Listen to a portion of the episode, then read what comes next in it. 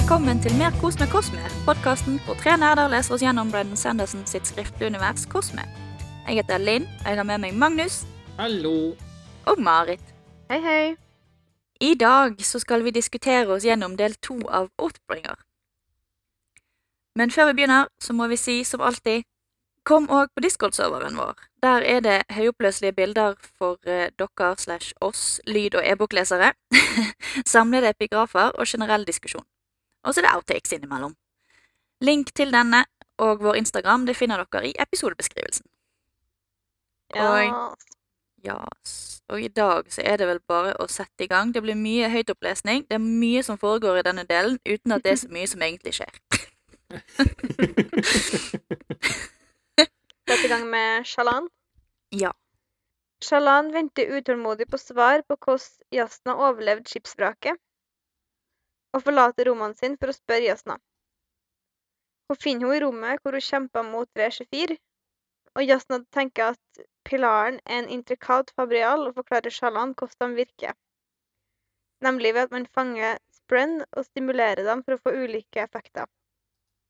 Shalan får i oppgave å tegne edelstenene, men hun har vanskelig for å ta imot ordre nå.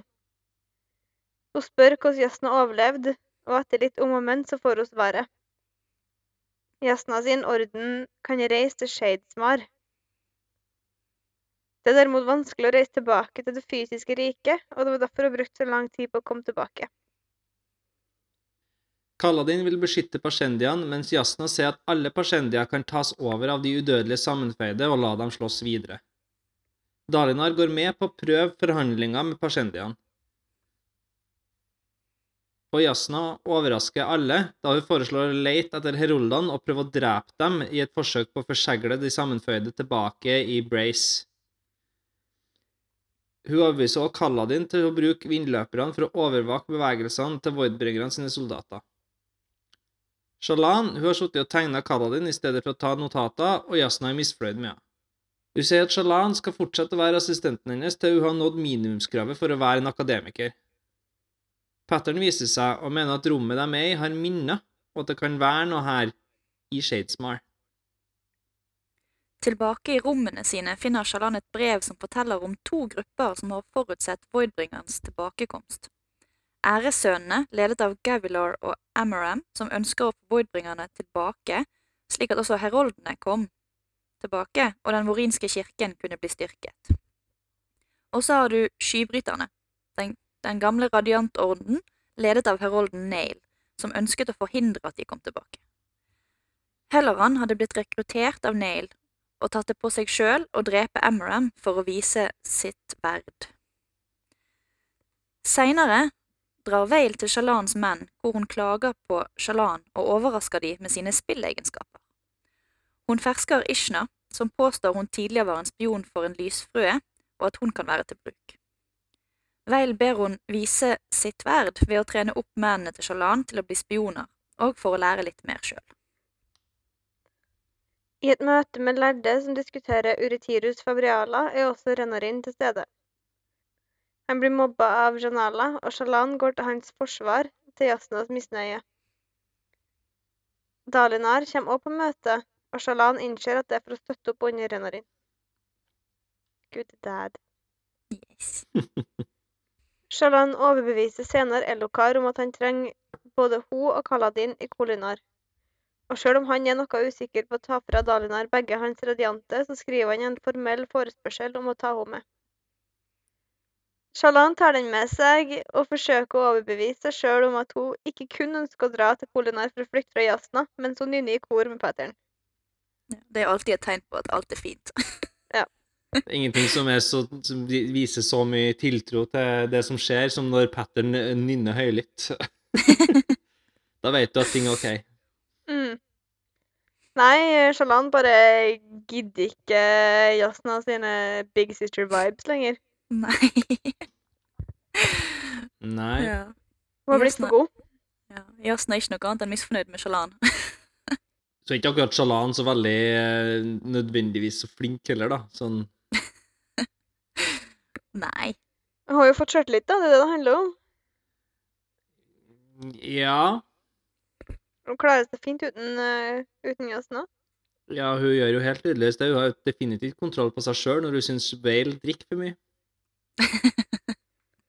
Nei, men hun har jo kommet seg inn i en viss posisjon i samfunnet og fått til greier med Adeline og Hun har jo lyktes. Ja. Jeg skjønner jo at hun føler at hun ikke trenger, trenger å være liksom warden til gjestene lenger. ja, men hun har jo også radiant, bitch. Hun har jo ganske store mangler i det å være akademiker og, og det å gjøre ting skikkelig, og hun, hun driver jo egentlig bare og henger rundt med de her soldatene og drikker seg full. Ja, men det her med å være akademiker er noe som er viktig for henne lenger. Ja, og hun har, hun har jo en, har jo en, uh, samtale med seg sjøl i denne delen, tror jeg, der hun diskuterer litt det. Er det, hvem er det hun ønsker å være? Ja. Og så driver jo hun og så tenker jeg at ja, men kanskje jeg kunne laga meg en, en ny personlighet som kunne være akademiker og være warden til Jasna. Jasna. Uh, og så sier han ja, men ikke var ikke det Shalan skulle være? Er ikke den personligheten Mm. Shalan er, er, er Shalan personlighet, eller er det, er det meg? Ja. Jeg føler du har litt mentale issues her, da.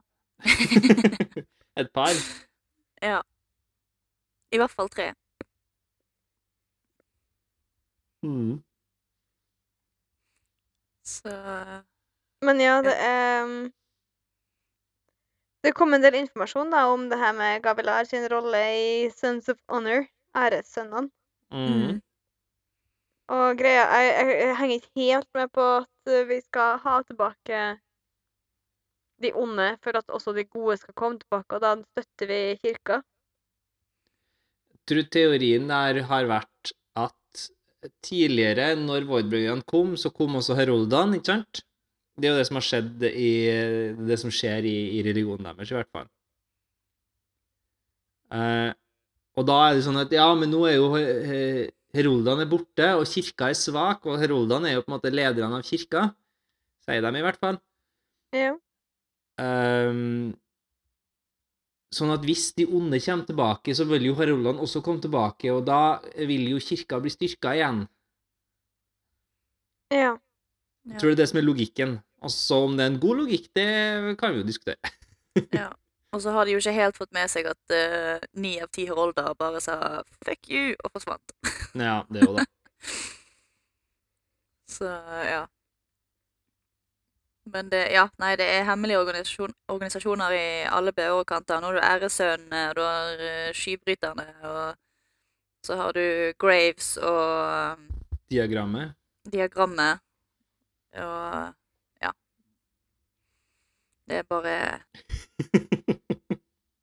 ja, og det er jo alle de hemmelige, hemmelige organisasjonene. Ellers så har du jo alle de der eh, eh, ikke så hemmelige organisasjonene som, som da er, er de forskjellige fraksjon, fraksjonene i, i Alethian. Ja. Så ja. Ja. Jeg er litt bitter, da. Hvorfor måtte Kaladin redde Amram fra Helleran? Kunne han ikke bare eh, latt Helleran drepe han? Faen, ass. Blir det en annen bok, da? ja. Blir en litt annen bok. Det er Men jo det vet- som er greia til Kaladin, da. Skal jo redde Ja. alle. Ja. Men ikke heller han. Nei, det var heller han som angrep. Ja, det var jo det. Mm. Og så er det jo Ja, jeg føler liksom ikke at Shalan Jeg får liksom ikke inntrykk av at hun helt tar inn over seg at det var at liksom Hun har ikke reagert på den måten som jeg trodde hun kom til å reagere på at Kaladin har drept Halloran. Når hun sitter og tegner han eh, Tegner Kaladin istedenfor å skrive notater. eh, mens hun egentlig er sammen med Adeline og liksom bare sånn Girl, what you doing? Hun er jo en uh, Hun er jo en uh, han, Nei, han er jo Mr. Broody Eyes. ja. Ja. Emo rockekidden som sitter i hjørnet og Mm. Ja. Men hun har jo hun har en, set, en setning der at hun eh, presser ned følelsen hun får når hun tenker på at Kaladin er den som drepte Helaran. Eh, og så unnskylder hun Kaladin, men han beskytta jo bare lysherren sin. Så hun, har jo, hun er jo litt sånn, som vi har snakka om før, og veldig fram og tilbake eh, om eh, Altså, eh, hun er både woke og uwoke. hun mener jo at eh, mørkøyde kan gjøre som de vil, men det er også sånn at ja, men han, beskytter, han, han kan jo ikke klandres, han beskytta jo bare lysøyden, sin lysøyde herre. Ja. Det er flere skal- som er woke og ikke woke i denne, i denne delen her. Det kan vi komme tilbake til. Men, Mm. eh, Ja. men ja. Og så nå, nå har vi endelig fått sett Kaladin og, og Jasna ha en samtale slash krangel. Mm. Kaladin klarer ikke å komme overens med noen. Han er the master of worst first impressions. Ja. ja, det, han det, er et det. un, det er et under at uh, han i det hele tatt har kommet seg der han har kommet i livet, med den holdningen der. Altså. Ja. Selv om det kommer jo alltid fra et godt sted, stort sett, da. Men eh, ja.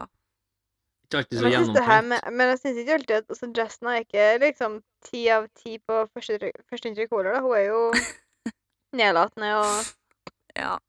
La oss bare Kanskje alle de tingene alle som, eh, alle de tingene som Kaladin ikke liker, egentlig, med mm. lyshøyde. Ja. Og så kommer hun bare med sånn La oss uh, folkemorde alle persendiene, Og by the way, kanskje vi også skal drepe alle heroldene. Ja.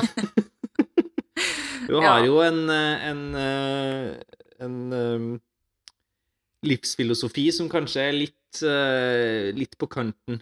Det har vi snakka om i en Ja. tidligere episode, og det var Mm. når hun drev og hadde The Lesson på Shalan og tok Mm. livet av de der bandittene. Mm. Hun, Hun hun, har jo noen så, holdninger. hun er jo ikke så trivelig med Runner-In, eller? Nei. Hva du tenker på da? Nei, han eh, driver jo og er med på det her møtet, Ja? eh, hvor eh, eh, ja, Nå husker ikke jeg detalj, da, men, eh, men eh, for alle som kikker stygt på han, skal jeg si, føler jeg da, unntatt uh, Shalan, som passer på han, og så Ja, Jasna Hun ventet jo bare på at Hun ble jo sint på at Shalan eh, gikk til angrep på uh, Janala. Ja, det var Eh, kanskje det. Men det var jo fordi at uh, Navani var på vei til å si noe. Ja. Og Ta det på et litt ville- ordentlig vis. Ja. Ikke bare sånn "Mm, Men du, da? Hva gjør du her, da? Så ja. Så ja, men Ja, hun driver og, og kikker på, på Runner-In med litt sånn skrått blikk innimellom. Du, I hvert fall i hennes kapittel. Ja. Så jeg ser at du Jeg skjønner at du har fått den følelsen, Marit. Ja. Det er et eller annet eh, hun driver og følger med på han eh, når de er i biblioteket der. Så Mm. Har vi bare, Skal vi bare hoppe blankt over at uh, Helaran har vært uh, skybryter og jobba for Nail og hele pakka, eller? Ja. Ja, OK. Det er greit. tenkte Men har han hatt alle de kreftene nå, eller var det bare det sverdet? Nei, han hadde nok ikke noe krefter. Han hadde bare et eh, vanlig sjardsverd. Ja. Men uh, Seth fikk jo òg et sverd av Nail. Ja. Ja, det gjorde han jo for så vidt. Så det kan jo være at det er en av en av standard-movesene til, eh, til Nail. ja. ja. Rekrutteringsbonus. Jeg tror jo kanskje at eh, han, hvis du skal først bli en skybryter, så og Du trenger jo litt utstyr, sjøl om du ikke har svergene og eda og begynt å få deg en sprint, på en måte. Mm. Ja, skal du løpe rundt og myrde folk, så er det greit med litt utstyr. Mm. Men så tror jeg jo kanskje at, eh, at sverdet som Sett fikk, eh, var, var mer tilpassa han enn uh, en sverd og rustningen som Hellaran fikk, da. Ja. Men det, det virker likevel som sånn uh, Skybreaker starting pack. og så får vi endelig vite hvordan Fabrials virker. Ja. Sprint.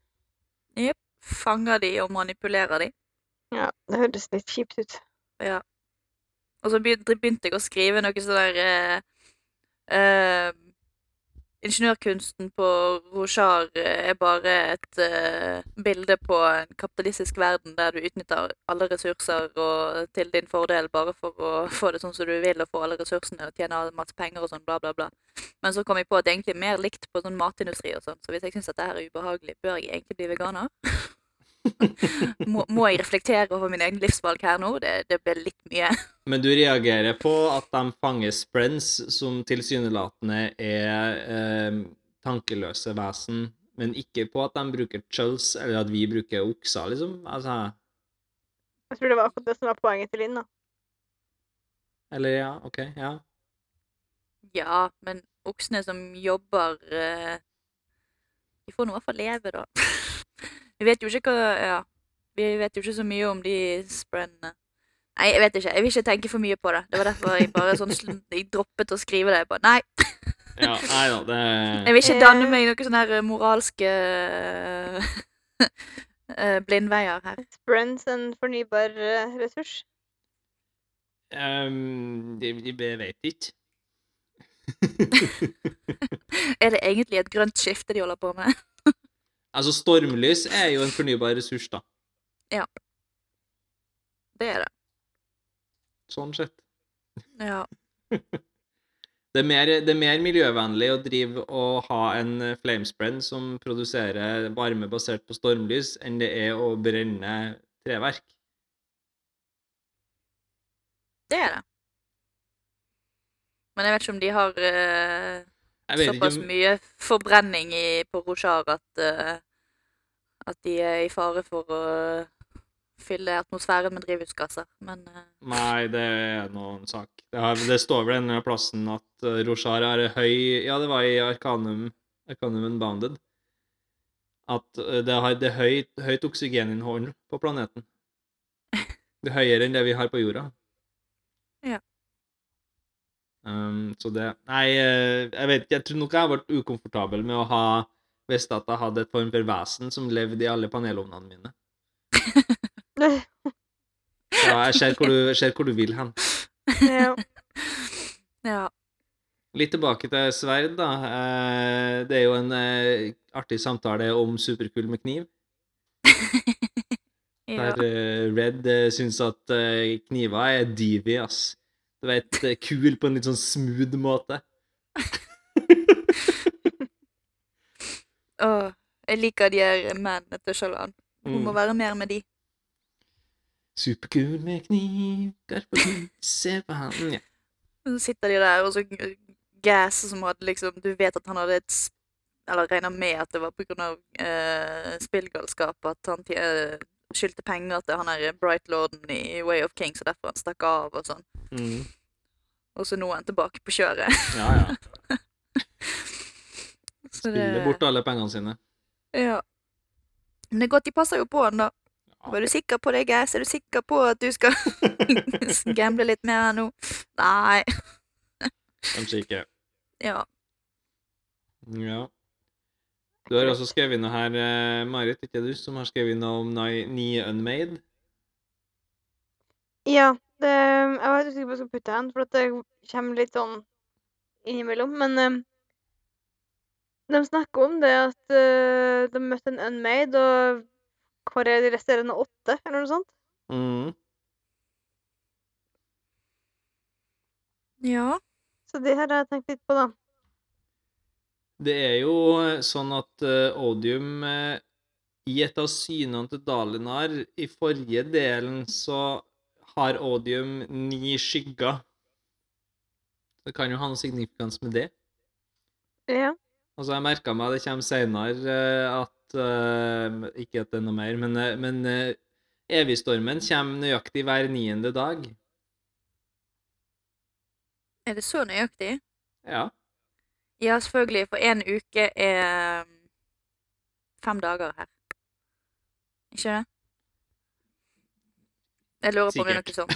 Men da, for, da forskyves det i løpet av hver uke, for de kommer ikke på samme dag hver uke. Nei. Nei.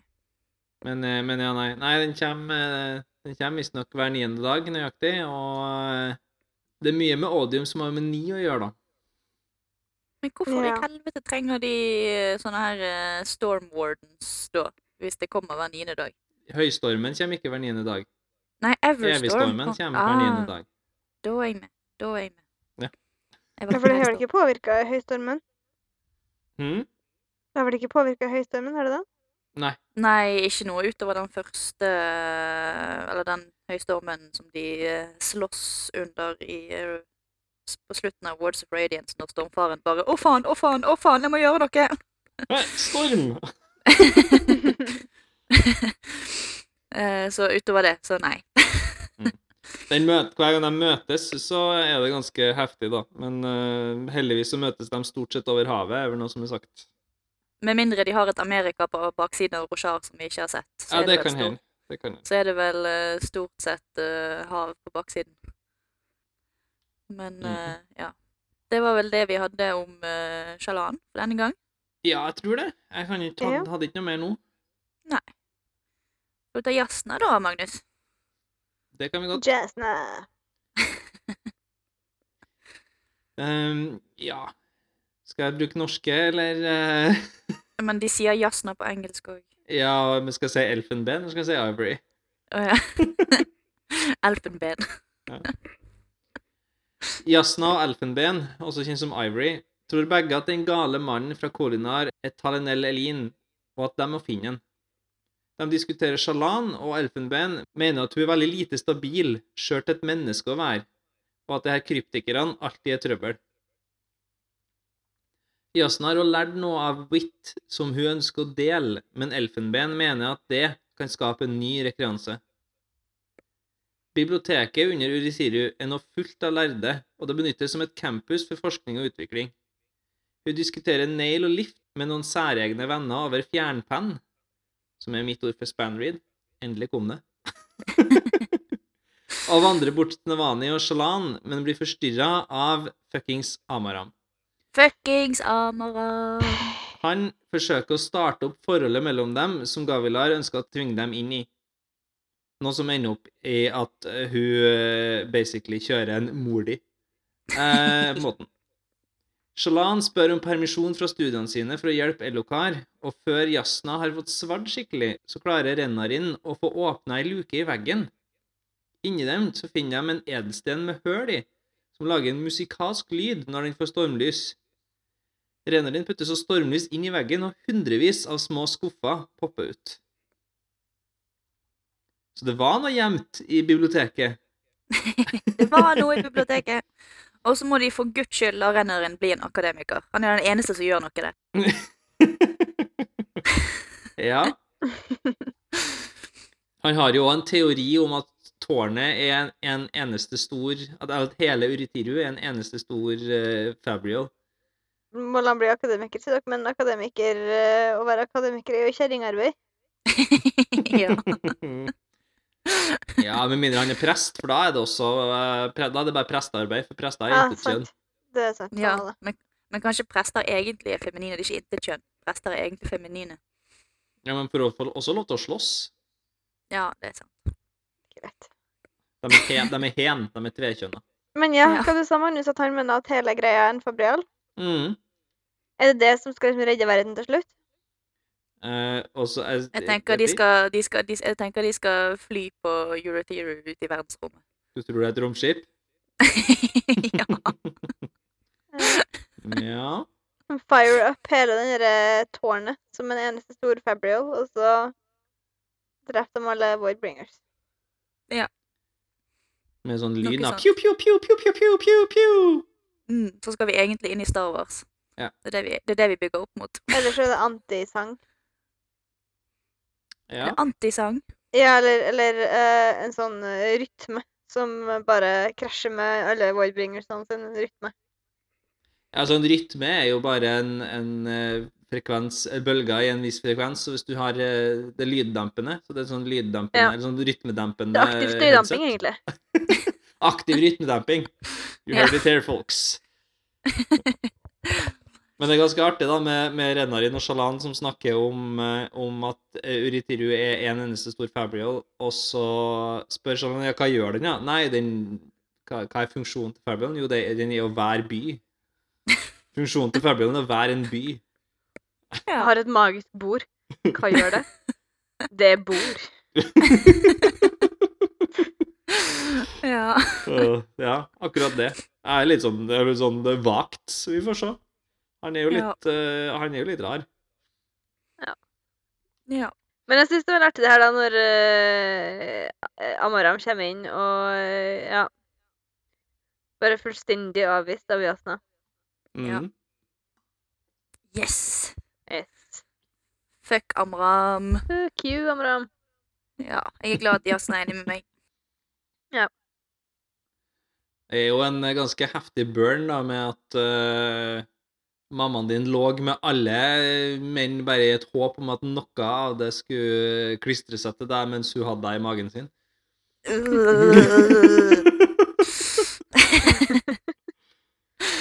Uff. ja. Ja. Og så skjønner jeg ikke Er Amram så høy på seg sjøl? For har ikke hun avvist han før? Eller jeg bare Jo, Det var vel egentlig ment at de skulle være en greie, og så har hun bare aldri hatt lyst.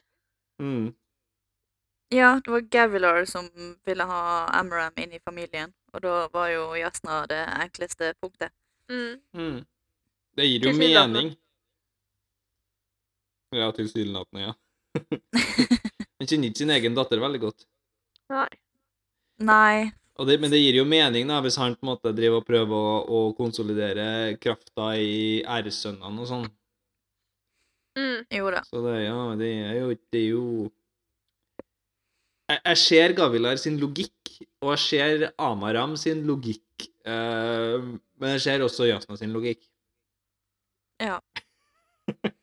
Men det er godt at det, det var noen som gjennomskuet den. Ja. Det virket jo som det var flere. Da var ikke Eidolin var jo ganske kjapp til å tro på, på Kaladin i forrige bok. ja. At eh, det, han var liksom Han var for perfekt utad. Det måtte være noe. Mm. Noe med han. ja, det er litt for strigla. Ja. Mm. Noe om noen som ikke Eller som også later som de er strigla. Han der overvektige bakeren som later som en akademiker. Som vi skal komme litt tilbake igjen til når vi snakker om uh, Brofire sine kapitler. så, eh, så er det ganske mange sånne roller i samfunnet og sånn som eh, nå det kommer fram at uh, alle har ikke fulgt reglene helt, alltid. eller alle følger ikke reglene lenger, eller ja, hvor lenge har det holdt på, eh, det vet vi ikke. Men, det er jo eh, som eh, alltid har vært i vårt samfunn òg, da, at det, Mm. det er mange kvinnelige forfattere som har gitt ut ting under mannlige synonymer og sånn. Ja. Ja da. Nei, jeg bare Jeg syns det var gøy. Mm. Og så er det callback til uh, interluden med min, uh, min sjelevenn som leste husmorsporno. Det, disse prestene Jeg mener de var i Wedner, jeg husker ikke helt, men jeg tror det var Wedner. Som er kommet mye lenger enn alle de andre med oversettelsen av Don Chant. Mm. Så lenge de har tid til å gjøre det mellom, eh, mellom husmorspornoen sin. Mm. Ja. Tenk når bok nummer tre kommer, og det er fire menn hun skal velge mellom. og så var det òg en throwback til uh, the Collector, da, som vi ikke har sett Hva, igjen. Du fikk ikke med meg. Hva var det? Nei, I denne samtalen hun har på, på fjernpenn. Så, så bare snakker de om at uh, vi, ikke, vi skal ikke mye heller snakke om at de har sett the Collector et eller annet sted. Ja. Men det var alt vi fikk vite. Han er jo tydeligvis en kuriositet i akademikerverdenen. ja Ja. Axis the Collector, det var hvem er det? Han blå Han var Nei, var han blå? Han med skikkelig feil vei? Ja, og tatoveringer som han bare kan Mane fram tegne på og kroppen, ja, mane fram på kroppen sin. altså på jakt etter fengselsbrenn og greier. Mm. Han sleit litt når han mante fram tatoveringer på feil sted. det er sol, det er sol og alle skinn. Mm, noe Mm. sånt. Ja, og hva er det, men hva er det Jasna vet? Å, det er så frustrerende. Det er så mye hinting i denne delen her uten at de sier noe som helst. ja. Jeg vet i hvert fall ikke. Nei, men det er sånn Stormfaren òg er liksom Hvorfor kastet ridderne sverdene sine? Hvorfor eh, ga de opp? Å nei, det kan jeg ikke si til deg. Og så Jasna, når du er i hodet til Jasna, som vet tydeligvis et eller annet som vil gjøre, gjøre at dette her skjer på nytt, ifølge Elfenben. Og så, nei, det kan ikke, det kan ikke hun tenke på. Det må ikke, det må ikke tenke for spesifikt, vet du.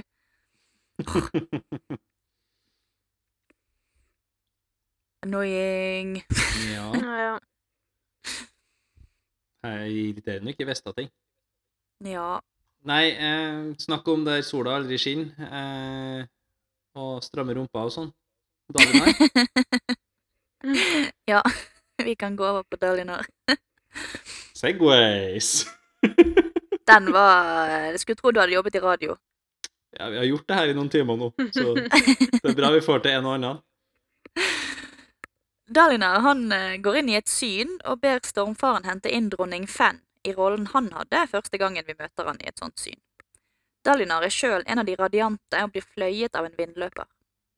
Han prøver å finne ut fra vindløperen hvorfor sjardrustningen hans gløder, men får ikke et godt svar. Nede på bakken sjekker han huset og finner kvinnens lik, før han leiter etter Fenn i landsbyen. Der finner han henne, og hun har organisert innbyggerne til kamp. Fenn tror ikke på at en tyrant som Dalinar er blitt valgt som leder for de lysende ridderne, hvis de en gang er kommet tilbake. Og Dalinar han argumenterer oppgitt for at hun må la han komme til Thailand by, og hans lidenskapelige bønn er mye mer overbevisende enn den politiske tonen han prøvde først. Hun forlater han, men Dalinar tror hun kommer til å ombestemme seg. I neste syn kommer Dalinar inn og slåss med spyd blant dårlig bevæpna menn. Etter å ha feila i et angrep og mista ei arm, så kommer det en Voidbringer og hjelper fienden. En radiant steinmester dukker opp og lager håndtak i klippeveggen, så at han kan unnslippe. Stormfaren forteller Dalinar at han deler en evne med steinmesterne, men det er ikke den som ble demonstrert her. Dalinar skjønner at menneskene slåss mot voidbringerne. Deretter henter stormfaren inn Jasna og Navani i synet, og de to damene springer i hver sin retning for å undersøke. Jasna undrer seg over at den tidsepoken de besøker, er mer primitiv enn i andre syn. De diskuterer også hvordan eh, Dalinar kommer til å reagere på å bli beskyldt for å være en kjetter. Jasna sitt råd å ikke la andre definere hvem han er. De fortsetter å utforske synet og finner tusen av lik og andre tegn på ødeleggelsen. De går forbi et stor stein som viser seg å være et vesen, og forbi, forbi det så finner de et sted med ni æresverd stukket i bakken. De gjenkjenner sverdet som drepte Gavilar, som var sverdet sitt bar. Stormfaren forklarer at voidbangerne fikk kreftene sine fra odium, og når de ble drept, så ble de gjenfødt i kroppene til parsmen. Menneskene kunne aldri overvinne dem siden de ble gjenfødt og gjenfødt, så ære han oppretta løftepakten med fem menn og fem kvinner. Etter hver ødeleggelse så returnerte de til fordømmelsen for å holde tilbake åndene til de døde sammenføyde, helt til at heroldene ikke kunne holde ut torturen lenger og brøt eden sin. Ødeleggelsene de kom oftere og oftere, fordi det tok kortere og kortere tid mellom hver gang en herold brøt eden sin. I den siste ødeleggelsen, når ni av dem overlevde, så innser de at Tallen ikke noensinne har brutt eden sin, og at de da etterlater den alene. Han holdt ut i 4500 år under tortur før det her endelig skjedde. Dalinar skjønner at galingen som kom til Kolinar, er Tallen, som sverdet han hadde, ikke var æresverdet hans. Stormfaren nekter å forklare Dalinar hva det var som førte til rekreansen, da han mener at svaret vil føre til at Dalinar også bryter sine eder. I et forsøk på å få snakke med Jonagav av Asir Navn. Har Elinor tatt han inn i et av synene sine, men beskytter han mot skade. Når slåssingen har roet seg, så viser Dalinar seg for Gox og forsøker å overbevise han om at de må alliere seg. Plutselig dukker Lift opp og tar med seg Gox ut av syne til stormfarens store ergrelse. På besøk i krigsleirene flydd dit med hjelp av Kaladin, tar dronning Fenn kontakt og sier at hun er klar for å besøke Uretiru. Dalinar, på leit etter cellen hvor Talm ble holdt fanget, kommer over Kadash, og nok en gang diskuterer de Dalinar sin hedenskhet. Dalinar bringer Navani og Jasna inn i et syn, sånn at de kan utforske tidsepoken, mens han sjøl prater med Gox. Her, her svappa litt mellom Yanagav og Gox med vilje her. Gox føler sjøl at han bare er plassert på tronen fordi at de andre var redd for Sett, men Dalinar spør han igjen om å komme til Uri- Og Gax Gax, faktisk. Og Gax sier han skal snakke med rådgiverne sine. Synet slutter, og Gax forsvinner. Men Dalinar forblir i mørket og mister kontakt med stormfaren. En mann i hvitt og gull kommer frem, og Dalinar tror det er ære han endelig møter og kneler. Men så viser det seg at det er Odium. Da, da, da. Odium setter seg ned for en prat, og Dalinar kaller han et monster. Det er et godt utgangspunkt for en god samtale. Men de er ikke så ulike, de to. Fiender må drepes uavhengig av om de fortjener det eller ikke. Odium spør også om Dalinar virkelig har intensjon bak spørsmålet om Odium ikke bare kan dra. Noe Dalinar føler ikke blir riktig. Jeg skjønner ikke helt det der. Ser så intensjonen med i, så er det noe jeg ikke forstår, så jeg... Intensjon skrives alltid med i. stor i. Stor i. Oh. Men den gir mening. OK, jeg skal ikke klage på det. Odium forteller at han er lidenskapens gud, ikke bare hatet, og at han er mye mer nyansert enn ære og kultivasjon, som kun er hva? Opptatt med løfter og vekst.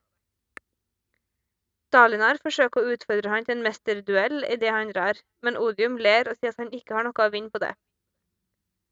Når Odium er borte, så dukker Lift opp bak en stein og er enig i at Odium bare er dårlige nyheter, og at hun vil komme til Uritiru så lenge maten er bra. Alle kommer til Uritiru! Og så sånn, første kommentar her fra oss er Odium! Men, men altså Lyft? ja. ja. To ganger. For jeg syns Lyft er jo en uh, impressive motherfucker. ja. Ja. Som bare sniker seg inn der du ikke hører hjemme. Men altså Impressive, ja. Jeg syns det. Altså, hun er Hun virker jo å klare å lure odium på en eller annen måte. Ja. Men eh, det er jo dritirriterende at hun bare skal drive og være opphengt i mat når hun uh, Shit's going down. Ja. Hun tenker på mat. det er jo sånn du får stormlys, da. Jo da, det er et poeng, da, men uh, Lal. Sa Ja. du 'og rumpe' når jeg snakka Linn? Jeg sa 'å rumpe' Ja. to ganger mens dere har snakket. Ja, det er jo veldig viktig, da. ja. Hun kaller vel også- Dalinar Mr. Tightbutt, så det er ja, du må ikke stole på menn med stramme rumper. Nei.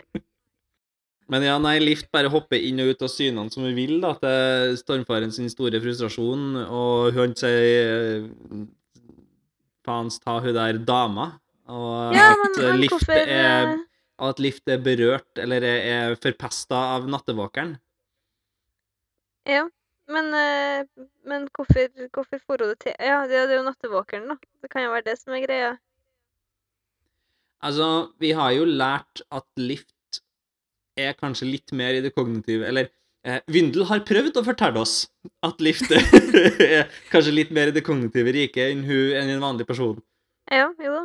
Eh, og det her synene eh, er nok en konstruksjon i det kognitive riket. Det er et eller annet på tidspunkt som viser Er de etter et syn, så forblir Dalinar i på en måte et rom eh, Eller er det før et syn?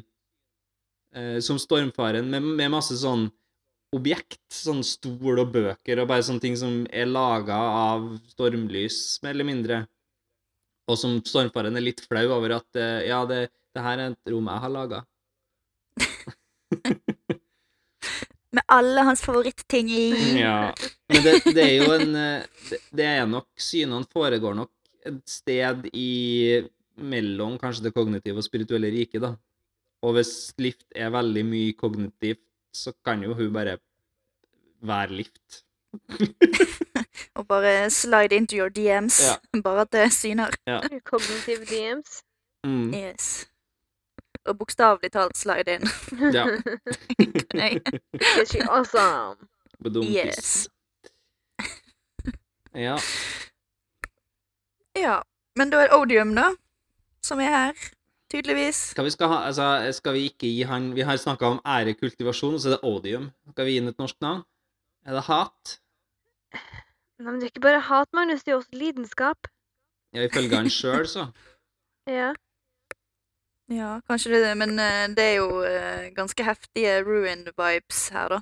Ja, jeg skulle til å si at når Ruin snakka om seg sjøl, så snakka han ikke som seg sjøl bare som ødeleggelse heller, akkurat. Nei. Det er nødvendig med ødeleggelse for å skape. Ja. Ja. Og det er nødvendig med passion når du skal hate. Mm. Men uh, Ja, jeg syns det var Jeg har jo hørt dette her før, men jeg har aldri liksom tenkt veldig mye over denne samtalen. Hvor kommer dette her med at Delinar skal slåss mot Odium fra? Var det bare noe han bare Det kan jeg gjøre Det kommer fra i et dette syn. øyeblikket? Ja, OK. Det er et av synene som sier ære, det at du må utfordre en til en duell, mesterduell, fordi det er den eneste måten du kan vinne på. Ja, nei, det husket ikke jeg i det hele tatt. Så jeg bare Hvor i alle dager? Hva skjedde her? Ja. Men en Odium sier jo nei, da. Så da blir jo ikke det noe av. Det var vel et forsøk. ja. ja jeg syns hele samtalen er litt sånn uh, morsom. Det er jo Ja. en Odium-hat er jo en Han ser jo på seg sjøl litt sånn som Ruin gjorde, da, med ekstremt hovmod. Han tror jo han ikke kan tape, og ser jo egentlig ikke på Dalinar som noen form for trussel her. Nei. Vi har jo fått vite at Odium har reist rundt i Cosmer og drept andre shards, da. Mm. Så han er jo kanskje høy på seg sjøl for en grunn. Men ja. Men han har blitt fanga her, da, og får ikke til å drepe kultivasjonen sånn som det er nå. Nei, det er sant. Hun har gjemt seg. Mm. Luringen. Men hva tenker vi da? Er jo det er Odium-hat Jeg må prøve å skjerpe meg. Hat har jo veldig mye til felles med Dalinar, egentlig. Dalinar kaller han jo et monster, men de er jo egentlig ganske like. Han har jo også en holdning om Dalinar har jo også hatt en holdning om at fiender må drepes, og eh, Det er en av de her flashbacksen som vi kommer til, tror jeg, så, så dreper jo noen, men sorry, sorry, liksom, du må bare dø. Det her er for eh, rikets beste. Ja. Det har jo vært Alinar sitt problem lenge nå. Han er sånn, men vil ikke være sånn Ja, lenger, ja, nei, ja. kanskje? Nei, jeg syns jo bare at det, det er jo en form for uh, Det er noen paralleller her, og jeg skjønner jo at Odium kjenner seg igjen i Dalinar, eller Dalinar kanskje kjenner seg igjen i Odium. Ja. Ja. Jeg føler Odium er så overpowered i forhold til Dalinar. ja. Ja, Det blir spennende å se hvordan det her går. Linn mener jo at de skal bare skyte av gårde i et romskip, og du mener at uh, Uritiru er en aktiv rytmedemper, så eh, det ja, men vi sci-fi, skal det her. Gjennom, vi skal gjennom masse runder med om og men før, eh, før vi finner ut det. ja. Ja. Nei, det var jo typisk at dette her sant? Det er jo typisk siste kapittel i en del, dette her. Så det Det er viktig å ha litt cliffhangers. Ja. Så utover uh, at det var mega ruin-vibes på, på han, så Så er mer sånn uh, read and find out på, på odium, eller på hat. Ja. Mm. Det er jo en flere ting som skjer i synene her, da. Mm. Jeg syns jo det er litt Jeg merka meg det at uh, Dalinar blir, over, blir litt sjokkert, men, men, det går over veldig fort. Eller det, det bare bare gå videre, fordi det viser seg jo at uh, Jeserese, som er på en måte kongenes herold, uh, har mørke øyne. Hvordan går det til? Og Tallen hadde mørke øyne. Mm. Men det var Shard-sverdet som ga dem lysøye, vet du? Det kan nok stemme, det, ja. Det er jo som med Kaladin. Det kan være at ingen av heroldene egentlig var lysøyde. Nei. Så har de basert hele samfunnet sitt på det her. Folk. Men så finner de også en, en haug med døde kremlins, og Dalinar tenker seg hvem som har tatt seg tida til å stable dem der. Har vi noen teori? Har de stablet, har de, stablet de? Eller bare falt de fra hverandre der? Nå henger det med Kremlins Hvor hen? I et av synene. I, et, er det, det synet de... med, med ødeleggelsen. Den store. Vi har jo en person som er lagd av Kremlings. Mm. Kan nok være en sånn en som ligger der død. Ja. Så det kan jo tyde på at de også har vært med i slaget her, da. Så det er flere av dem. på hvilken side, er jo et spørsmål.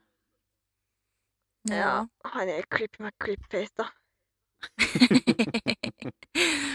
Og så er det jo uh, nå, er jeg, nå, er jeg, paranoid, så nå er det sånn det, når, Hver gang det er sånn De nevner sånn innimellom at ja, og så her uh, Når vi har denne samtalen her, så er det en liten Kremlin som, som er i rommet. um. Mm. The little spice. Kan hende. Kanskje. For these people. Kanskje, kanskje. Uh. Creepy Kremlins. Alt du må følge med på nå, Marit. ja, det er akkurat det. Ikke nok med at du har fraksjoner innenfor Alettian og en hel haug med hemmelige organisasjoner, og en hemmelig organisasjon som ikke er en del av de andre hemmelige organisasjonene. Du har også en sånn gjeng med Kremlin som driver og spionerer. Hva er det her? secrets behind secrets. There's always another secret. Mm -hmm. Og i dette tilfellet There's always another secret organization. ja. Men uh, speaking of tallen, da. Han er jo et beist. Holdt ute i 4500 år. Ja. Ikke rart han er klin koko. Nei. 4500 år med, med, tortur, det kan gjøre det mye, til, mye på folk, det. Ja. Jeg tror, jeg tror, det har en liten påvirkning på psyken din. Liten. Ja. Ja. jeg tror, jeg tror uh, the PTSD is real for, for talen. Jeg hadde også sittet og bare hvisket for meg sjøl, tror jeg. ja, det er jeg enig i. Mm. Ja. Noen som også er et beist, er jo Fenn, da. Dronning Fenn, ja. som har, eh, i stedet for å på en måte så vidt klare å forsvare seg mot monstrene, har bare samla hele landsbyen og mønstra et ordentlig forsvar. Jeg vil ha henne på mitt lag. Mm -hmm. Og så er det ganske artig, fordi eh, Dalinar er bekymra. Han vet jo at hun ikke kan faktisk skades, men han er litt bekymra for hvordan hun kommer til å reagere hvis hun ligger og har dritvondt. ja. Og speaking of beist, mm. uh, Dalinar som et annet syn er bare for armen kappet av. ja. Nekter å helbrede seg sjøl med stormlyset, og stormføreren bare 'Hva er det du holder på med, mann?' you didn't know, me, know me before. Mhm. Jeg har gjort dette her før. Ja. ja. Men det er jo det, ja. Igjen i synene. De ser jo igjen. Ridderne kaster sverdene sine ned. Hvorfor, hvorfor, hvorfor? Stormfaren som ikke sier noe. Han sier jo det at ja, hvis jeg forteller deg det, så kommer du til å bryte eden med meg òg. Mm. Så det. Så det. Og så banner han. Ja, så han begynte å banne som er litt skøy. Han blir jo litt mer, han, det er jo sånn som vi har snakka om før, da, at uh, han reagerer jo litt sånn som Syl. Han blir jo litt mer menneskelig og får litt på en måte, Han blir mer kognitivt til stede. Litt mindre storm, litt mer uh, kognitivt vesen. Person. Person. Vesen. Ja. Litt mer menneskelig. Mm. Ja. Jeg syns det er skøy som Dalinar. Som, det er jo Adolin som sier det på et eller annet tidspunkt. Hvis det er noen som truer naturkreftene, så må det være deg, pappa. Og Dalen har bare fortsatt å kreve ting av stormfaren, og stormfaren klager og klager, men lystrer nå. Ja. Så det ja. Ja. Det er ganske skøy. Også som vi ja, også som vi har nevnt tidligere, så er jo det egentlig Dalinar sine syner at vi lærer at de sammensveiste, fused, fødes på ny i kroppene til de stakkars parsmennene. Mm. Ja. Så, og det, ja, vi ser jo, vi ser jo det helt uh, i slutten av uh, Moors sine kapitler.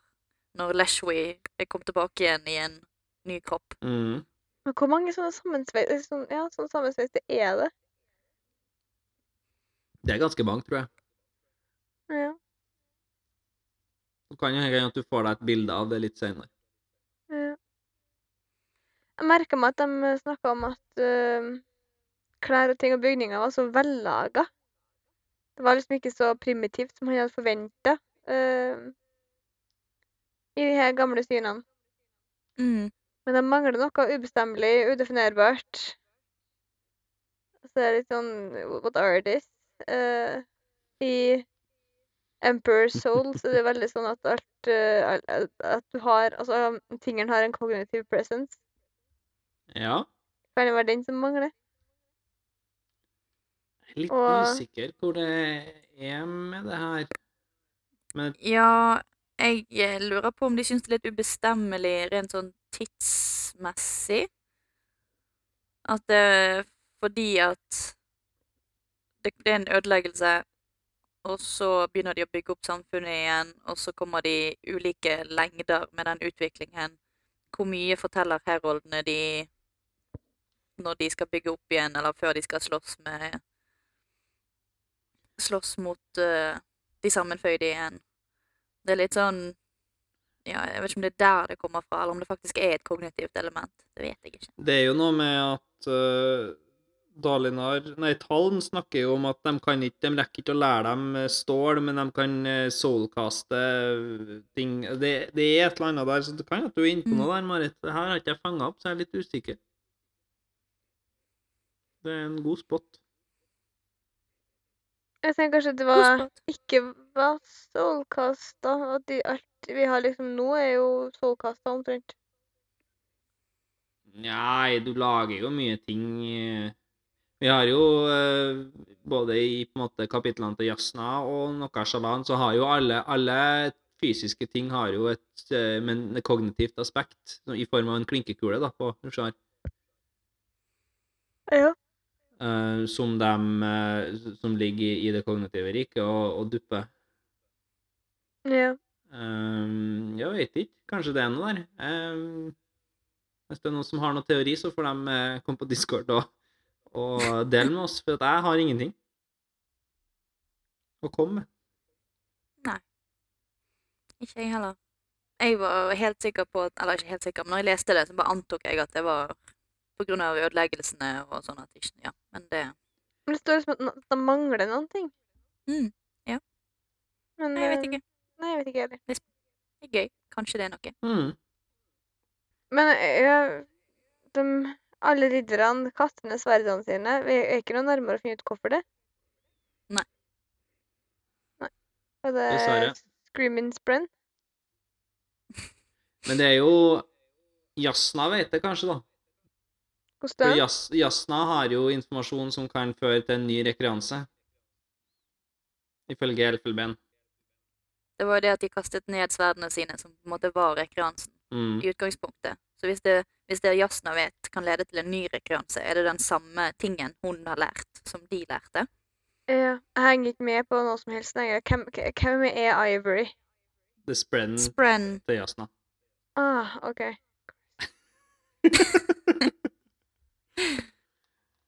Han er ikke nevnt så veldig ofte, så det er ikke så rart at du ikke helt henger med på det. Og Jasna vet noen ting som kan føre til recurrence. mm. Som hun har lært fra Wit.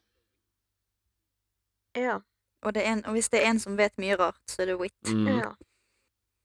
Men de er jo tydeligvis blitt eh, buddy-buddy etter at de eh, gikk sammen fra gudene vet hvor til uh, slettene.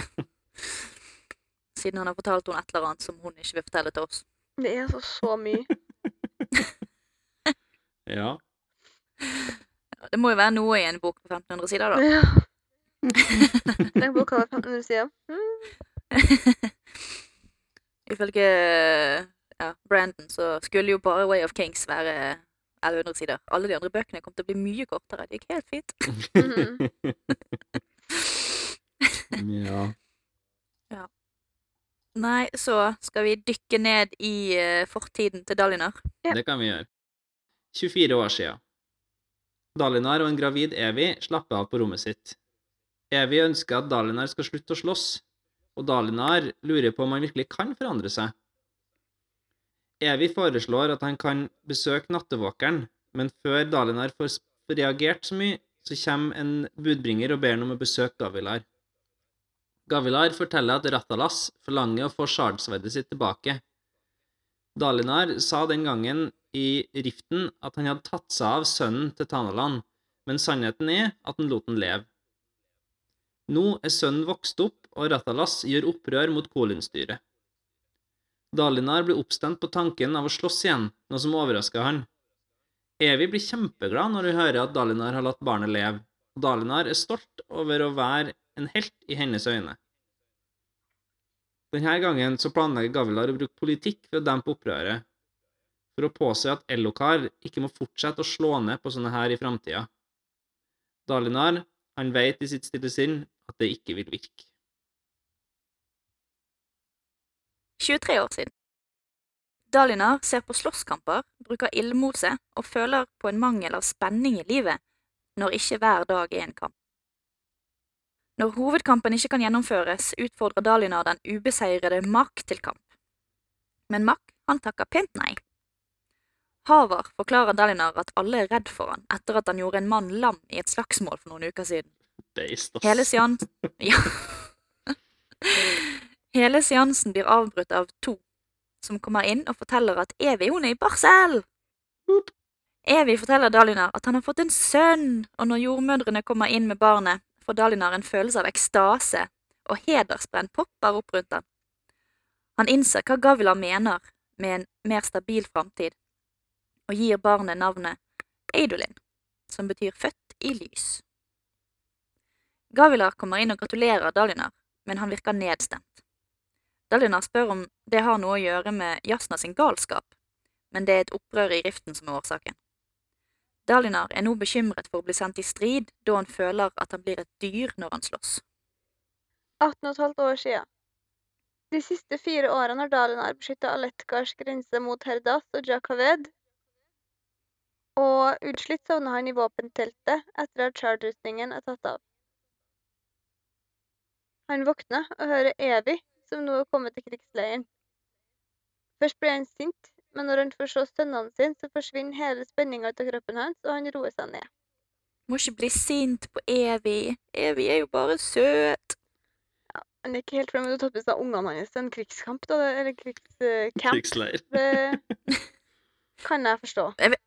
Men jeg kan ikke skjønne at han blir sint på det, fordi jeg mener at det er en greie at både koner og barn er med. Eller er det, Ikke- er det bare konene? Det er bare kona, ikke barn. Og så Ja. føler han at eh, Evi er Han føler seg jo ikke helt at han kan være seg sjøl sammen med Evy. Det er jo litt det som er problemet. Ja, men putt a pin inn det med ungene, så skal vi ta det opp igjen i Rhythm of War, og så skal vi, eh, har vi Så har vi funnet plotthull i, eh, i bøkene. Det må du skrive ned sjøl. Ja. Men det er nå greit. Eh, ja, nei, det er jo altså, Jeg føler jo kanskje at uh, er på generell basis ikke liker evig så godt. Nei, det virker ikke sånn. Det Han virker syns jo det var gøy å være en helt i hennes øyne, da. Ja. Men de har jo ikke samme verdigrunnlag. Nei. Altså Helt på slutten her så har han jo fremdeles en del av spenningen, altså det trill, i kroppen sin når han eh, Når, han, når hun kommer. Men så fort han på en måte får se kidsa sine, så forsvinner det fullstendig. Men nå husker ikke jeg sånn 100 hvordan det her var, men jeg, jeg syns jeg kom på at han også var ganske sånn ja, Han var ikke så veldig fornøyd med Renarin, da. Ikke med navnet. Nei, med Adolin, mente jeg. Nei, eh, hun har jo fucka opp navngivninga deres, for å si det sånn. Born onto himself. Ja. Sø sin egen sønn. For seg selv, av seg selv, med seg Jeg vet ikke. Um, ja. Nei, han, men han var jo fornøyd med Adolin, da, for det var jo han som kom på navnet. Mm. Mm. Men uh, ja, så baby Adolin som har liksom spurt 'Mamma, mamma, hvordan skal jeg møte hva- skal jeg si til pappa når jeg ser han?' Og så gir han en sånn skikkelig stram salutt. Åh. Ja. Det er litt søtt, men det er også litt trist. Ja, det òg. Sånn, er, 'Er du redd for meg?' Og så sier han nei, men han står liksom bort med moren og sånn 'Nei'. Han er jo en ganske fremmed mann. Ja. Det var bare denne familien der, altså. Og disse svigerinnene til Levi gjør, ting, gjør vel ikke ting bedre heller. Det. Kanskje det er en grunn til at hun har lyst til å være i krigsleiren med, med Delinar, heller enn å være i Kolinar. Ja. Ja. Hadde du blitt oppfordret til å dra dit, ikke det? Jo, jeg tenker at uh... Sto det. Ja. Eller Dalinar tenker at kanskje Navani og uh, Ielei har uh, Ja. dyttet henne. Mm. Eller oppfordret henne, ja. Så Og det har jo vært noen kommentarer tidligere òg, da når eh, de hadde middag med Evy og, og broren hennes, da når de møttes for første gang. Så jeg har liksom fått inntrykk av at eh, de var ikke spesielt hyggelige med Evy. Fordi hun ikke var Aletti, og hun var ikke Nei. De ser jo litt ned på. Ja. Og så var det de er jo er vel eh, Navani som har en kommentar om at hun virker ikke sånn kjempesmart. Mm. Men hun er jo litt sånn Hun er jo, er jo religiøs på sin egen måte, og er jo litt sånn hippie-feel på hele dama. Ja. Men det er jo litt med at de har, det er jo den der religionen òg, for hun følger vel The Passions. Nei. Nei, Uh, The One. Det gir i religionen om, om den ene. Ja, The One. Vi er alle en ja. del av den ene, og den ene har splitta seg opp. Og en dag skal vi alle sammen bli sammen igjen i, som den Ja, ene. Nesten som han skobakken. Ja, det er akkurat det. Ja. Det er samme religion. Ja. Det høres også veldig ut som Adnalsium, som har blitt splitta opp og hmm, Kanskje det er. Litt usikkert. Kanskje det er. Adolinsium. Er det en, er det Ja. en eh, skip, eller er det en eh, teori? Nei. Nei. Answer is no. Du skipper ikke Adolin og Gud, liksom? Det er Eh, nei, ikke i dag. Kanskje i morgen. kanskje i morgen. Jeg er så nysgjerrig på Det står jo mattevåkeren her òg, i, i den første flashbacken, at uh, Ja, hva var det som sto? Evis jeg foreslår vel at Dagnar kan besøke nattvåkeren for et eller annet. Ja, jeg er fremdeles så nysgjerrig på hva det er han har fått. Utover Men- Eller? Ja, men, men jeg har ennå ikke skjønt om det på en måte er hans blessing eller hans curse, da. Nei, det var Nei. det. Og hva er den andre, andre tingen. Ja. Read and find out. Ja, det sto ingenting om det her. Det var bare Marit being curious. Mm. Mm. Har du en teori, da? Nei, jeg har jo ikke det. Jeg har jo ingen teori. Kan ikke, altså, han har jo, Evig foreslår jo at han kan spørre nattevåkeren om å få mindre krigslyst. Eh, ja. Kanskje han har eh, fått mindre krigslyst? Han virker jo Føler mindre jo ikke det. nå. Jeg føler jo han har både krigslyst og thrill, men han blir jo kanskje mer og mer lik Gavilar i det her med kodene og sånt, men eh, Mm. Ja. nei, jeg vet ikke.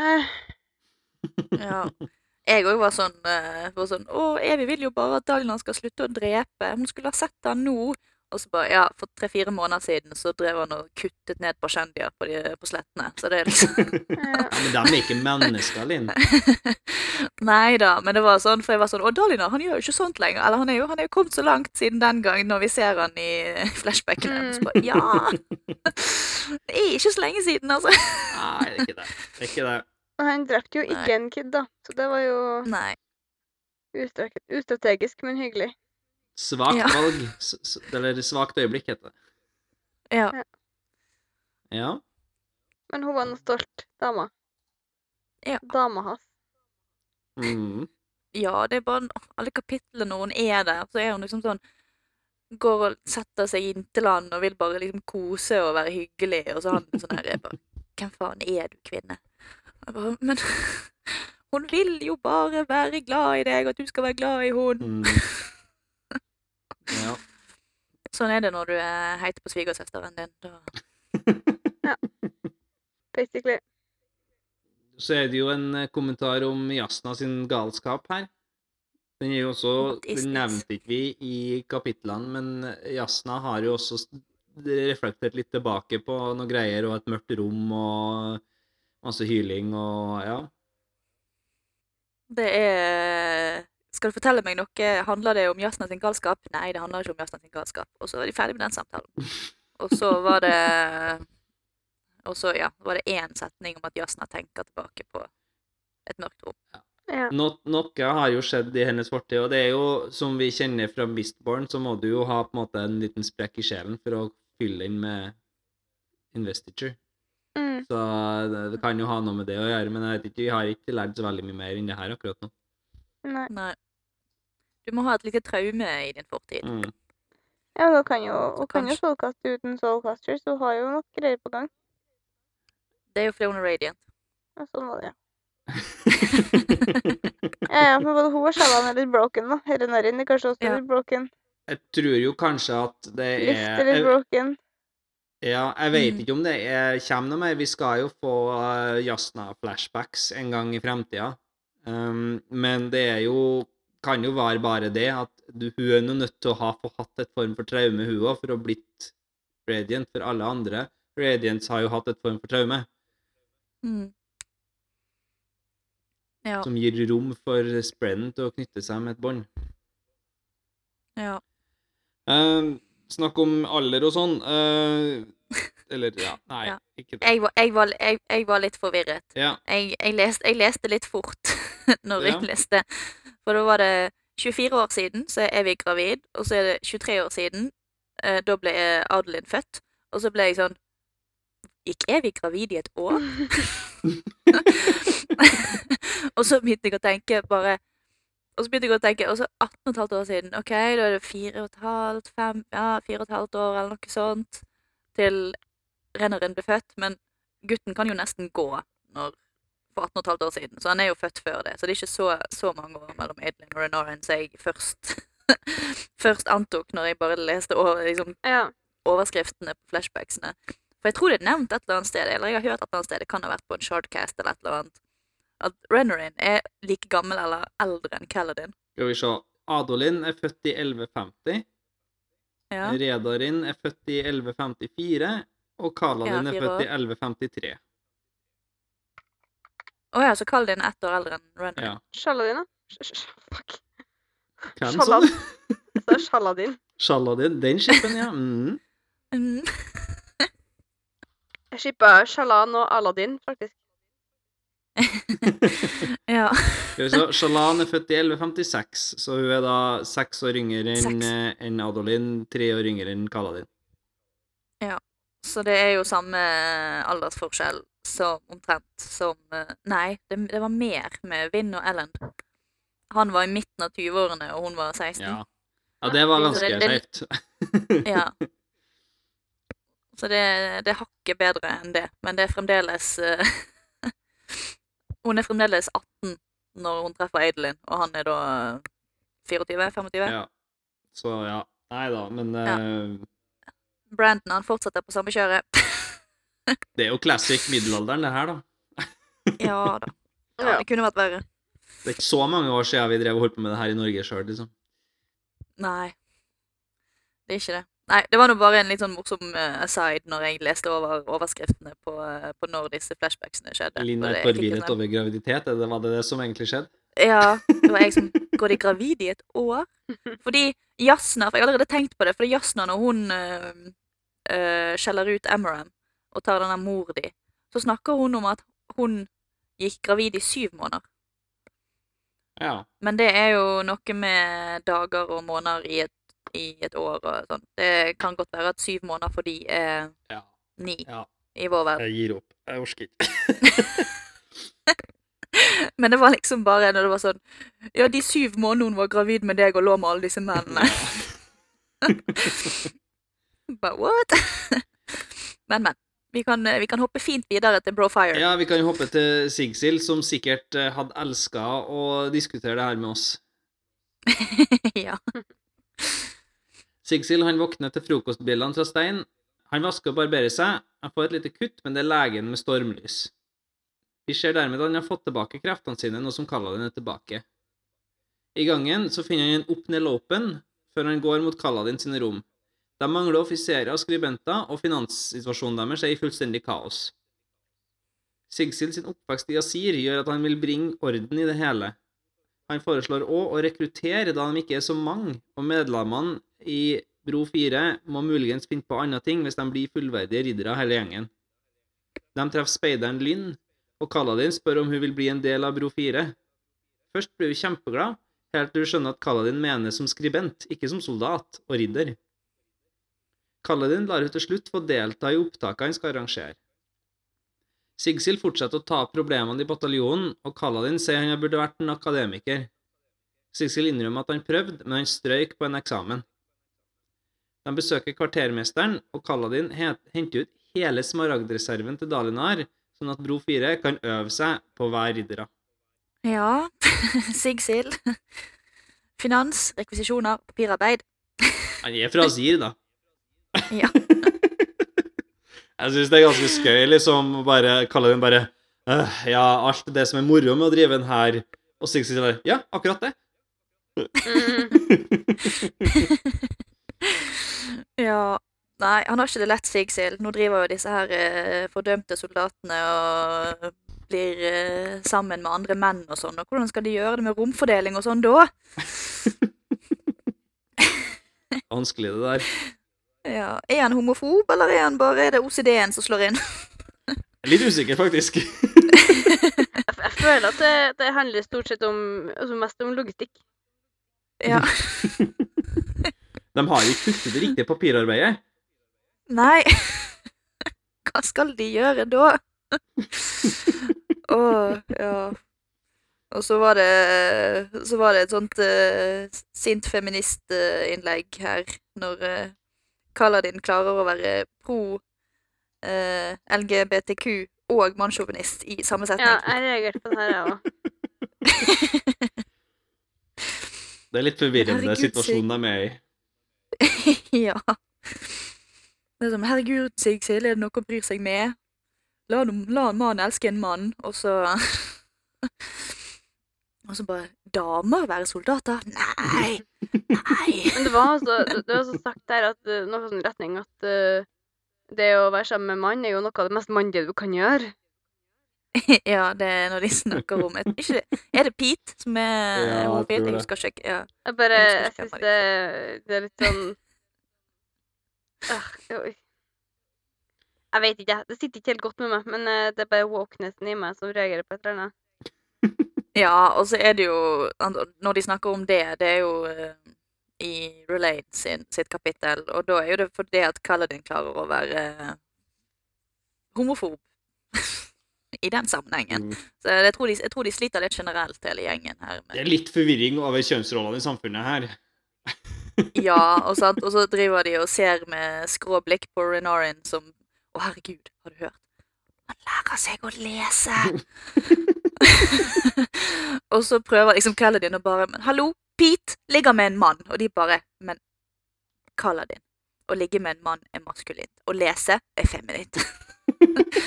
så, så det er litt sånn Ja, de, de, de Det er liksom Ja, de prøver, men, men, men de slår litt Ja, feil. det er bare, ja. Jeg tror de bare er generelt litt forvirra her. Ja. Så Ja. Nei, det var noe eh, Det var noe Sigsil sin, sitt kapittel. Det er Vi får se Kaladin fra alle sine synspunkter utenom Kaladin sitt i denne delen her. Ja. Og Det er jo fint å få kalla litt fra utsida òg. Ikke bare sånn ja. depressive, depressive, depressive face. Mm. Ja. Depressive, Det er litt deilig å ikke face, være- faktisk. Så jeg står for det. ja. det er litt deilig å ikke være inni hodet til Kaladin en stund. Ja. Det går fint. Jeg synes jo det er, Han har jo en sånn uh, setning og en skrev ikke ned, for at den er ikke så bra å, å gjenta, men det er et eller annet med at Hoid eh, alltid, når eh, Hoid løser problemene med å fortelle en historie eh, For enn om noen er forvirra eller sint på han eller noe, så forteller han en historie, og så blir det bare bedre. Og han har, men, men Sixil har ikke helt skjønt hvordan det der funker. da. Nei. Sigsil han forteller en historie bare for å fortelle en historie. Ja, han prøver, da. Ja. Kaller vi bare Skulle det være et poeng der? Ja, det skulle bli bedre for deg! Ja, jeg tror ikke han fullførte denne treningen sin hos Witt. Altså. Nei, det spørs det. Han he- hever til bro, brotjeneste i stedet. Ja. Ja, nei, skal vi gå videre til neste mann i brolista? Lunamor. Mm -mm. Ja. Lunamor lager stuing mens Kaladin trener mannskapene i bruken av stormlys. Først må de sverge den første eden, og Stein hvisker den for seg sjøl. Stein, sier jeg. Lunamor. Vi er i hans hode. Det er Lunamor. Lopen, Sigsil og Pete klarer å trene hver sine grupper. Lopen, Sigsil og Pete starter å trene hver sine grupper. Lunamor går for å finne Hobber, og finner han sammen med Kaladin. Sistnevnte prøver å få Hobber til å puste inn stormlys, siden han er overbevist om at alle i Bro 4 kommer til å få det til, og kanskje òg andre. Lunamor sier forsiktig at de skal alle i krigen, og det er ikke sikkert alle kommer til å overleve. Flere bromenn gløder, og Lopen har satt fjeset sitt fast i bakken. Elokar dukker opp og spør Kaladin om å bli med han til Kolinar for å ta tilbake hjembyen hans, noe Kaladin går med på. De drar om 20 dager. Rennerin kommer òg bort etter sitt skift ved æresporten. Lunamor inviterer han til å bli med på matlagingen. Han stusser litt over at han kan se alle sprenn, men ikke Rennerin sin. Samtidig reflekterer Rennerin over at han kanskje ikke passer inn hos Bro 4, siden han ikke er en vindløper, men Lunamor insisterer på at han passer inn. Rennerin står mellom det som forventes av han, å være en kriger, eller det han er god på, å være en akademiker. Han føler seg som the odd man out, men Lunamor peker på Relaine. Da går gutten bort og setter seg med Relaine rett før mennene kommer bort til Lunamor for å få seg noe å drikke. Skar sliter med å puste inn stormlys sjøl, men klarer å vise Lunamor hvordan man gjør det. Og istedenfor å bli sjalu, så blir Skar glad for sine pedagogiske evner. Lunamor legger merke til en stor gruppe sprenn som er samlet for å følge med på treningen. Sylfrena sier at de ikke snakker til henne fordi hun var den første som oppsøkte et menneske, og de vil ikke innrømme at de tok feil. Hobbar klarer å puste inn stormlys, og han begynner å kjenne beina sine igjen. Og mens de feirer, ser Lunamor en røyksky mot vest. Kaladin flyr av gårde for å undersøke, mens bromennene henter brua si og beveger seg mot røyken. De når karavanen og finner en død Voidbringer tatt av dage av en Unkalaki-pil. En provisorisk befestning av møbler er satt opp like ved. En kvinne stikker hodet over den, og Lunamor gjenkjenner familien sin. Hurra! Hurra! ja. Han introduserer bromennene til familien og gir sin kone en oppdatering på hva som hendte da han dro ned i lavlandet for å vinne Charles fra Sadias. Hun forteller han at det er noe alvorlig galt i hjemstedet deres. Bru 4 bærer brua si tilbake med ærbødighet for det som mest sannsynlig er siste gang. Ikke lenger slaver kan de nå snart fly med stormlys. Pu, pu, pu, ja, lengste kapitlet i eh, Stormly- Sto- Stormlight-historien. Var det så langt? Jeg syns det var langt. Jeg, jeg syns det er så mye rart med rock som skjer, alle de her sprennene og er sånn her ja, ærbødig. Eh, neie og Eller bukke og Altså ingen ennå som Ja. vet hva det er, og så føler jeg ikke at det har noen signifikans eh, enn så lenge. Så bare her- Nei. De her sprennene han ser, eh, som er æresbrenn Er det på utpå plainsen? Er det æresbrenn? Når de, ja, Mm. når de driver og trener, så er det æresbrenn.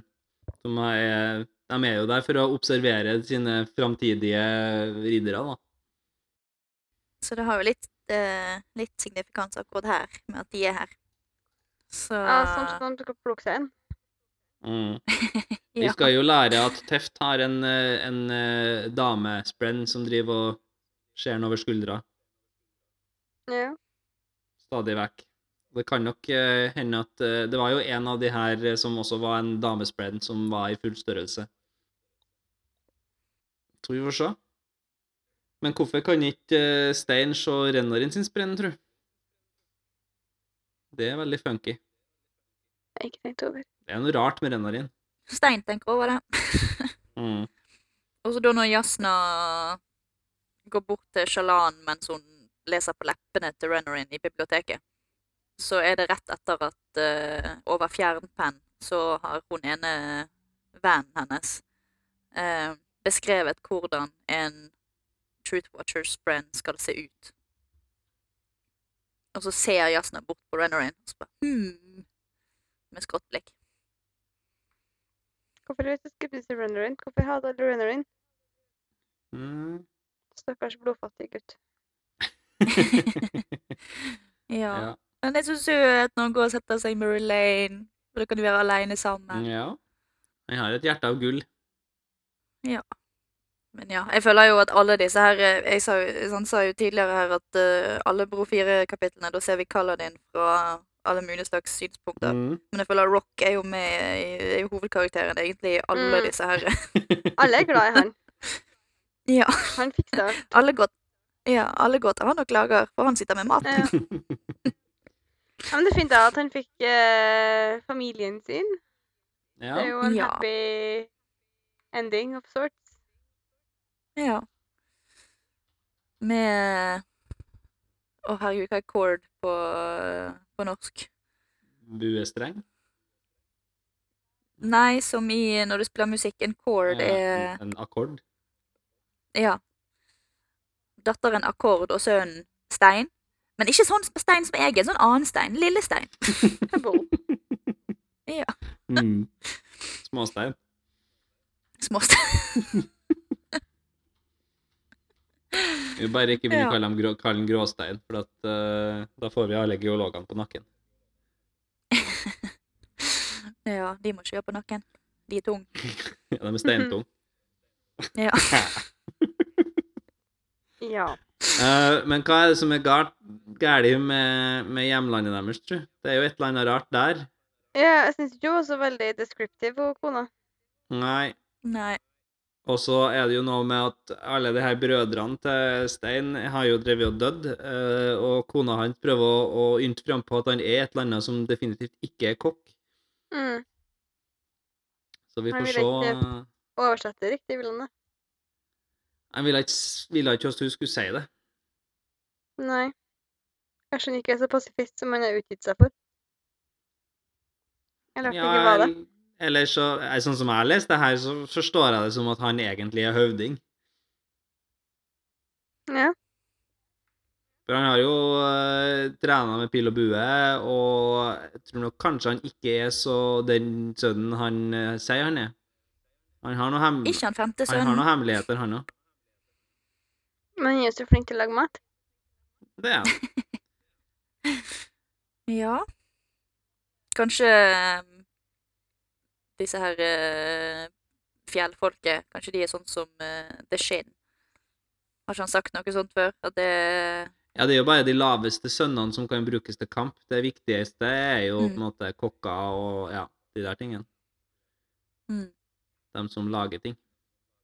Men hvis han, han er jo lært opp til kamp, da. Han, han kan jo ja, pil og bue og Men hvis brødrene har dødd Jeg vet ikke når, når, i, når i tidslinjen de har dødd. Hvis de har drevet og dødd sånn etter hvert. Nei, jeg forsto Ja. det som at broren hans, brødrene hans har dødd eh, Altså, han hadde med seg fl flere Nylig. av dem på vei til Sadeas, og at de gjorde Ja, okay. opprør eh, og ville stå imot.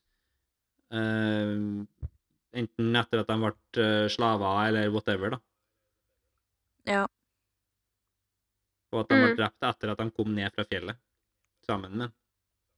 Kanskje det. Det er sånn jeg leste det, iallfall. Ja.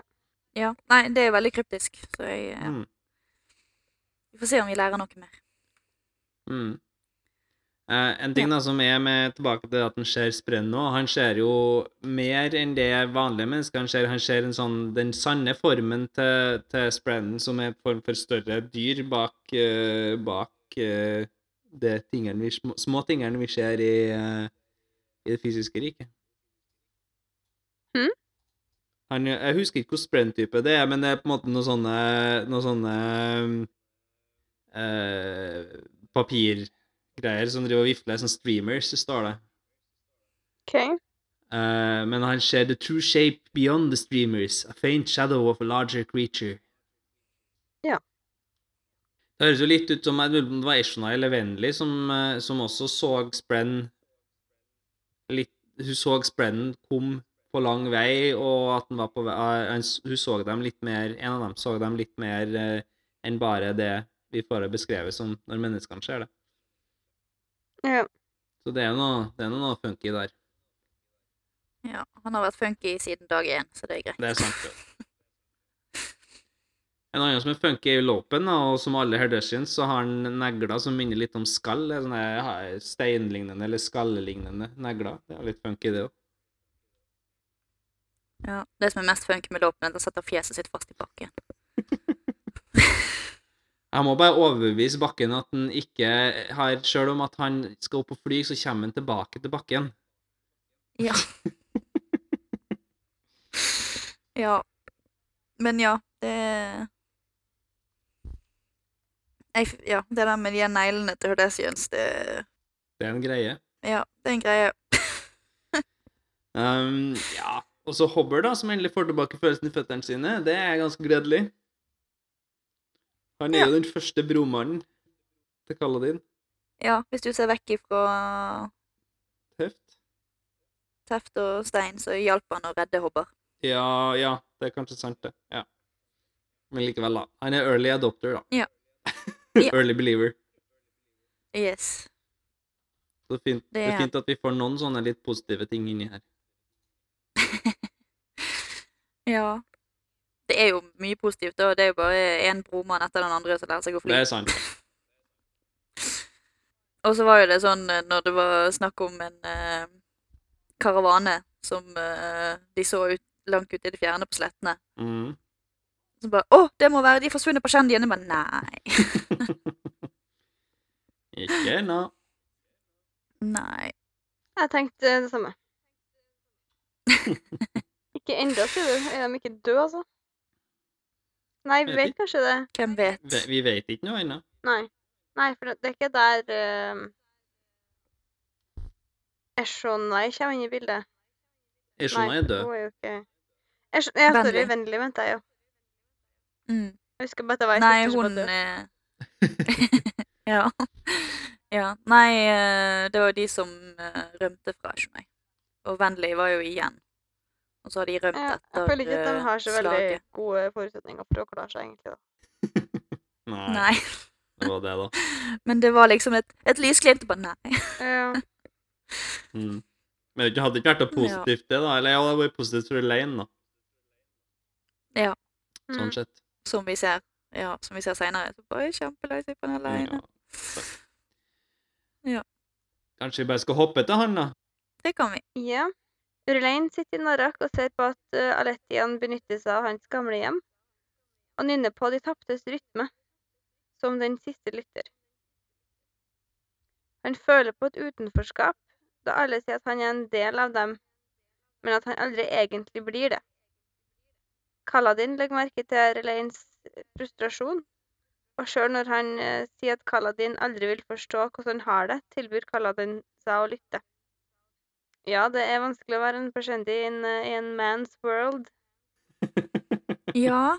Han blir jo alltid oversett. Alltid forbigått. Mm. De glemmer at han er der. De, Alle syns jo han er den litt rare og skjønner ikke helt hvorfor han er der. Ja.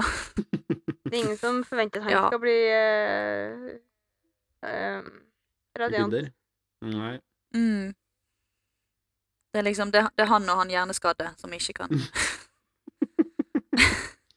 Ja. Så det, ja. Så det, jeg synes det, er litt, det er veldig vanskelig å relatere seg. Man kjenner jo alle kanskje på utenforskap innimellom, sånn som Bro 4 snakker om i dette kapitlet. At alle sitter og føler på at de er litt utenfor. Ja, så vidt. det- Men det er liksom et helt annet nivå, da. Mm. Spesielt mm. kvinner og parchment. Ja. Og de som ikke snakker språket, stakkar. Ja. Hui- Huio, som har det vanskeligste, et av de vanskelige navnene. ja. Det var vanskelig å det var, Jeg sleit nesten med å skjønne hva, hva han sa i lydboken. For det var så gebrokkent. Å ja. Ja. Men uh, vi får jo se, da. Nå skal nå skal Relaine Holdt jeg på å si manne seg opp, Pashendie seg opp. Til å snakke med med Kaladin, så kanskje det kommer noe godt ut av det. ja. ja. Jeg liker at Kaladin er ærlig, da. Når Relaine bare vet du, vet du, Kaladin, vet du faktisk hvordan jeg har det, eller er det bare noe folk sier? Nei, det er kanskje bare noe folk sier. Mm. Jeg flirer av din parsendie seg opp, fordi eh, vi hørte på radioen en dag, og det var noen som klaga over bruken av kvinne seg opp. Og nå bare tok du det til et helt nytt nivå.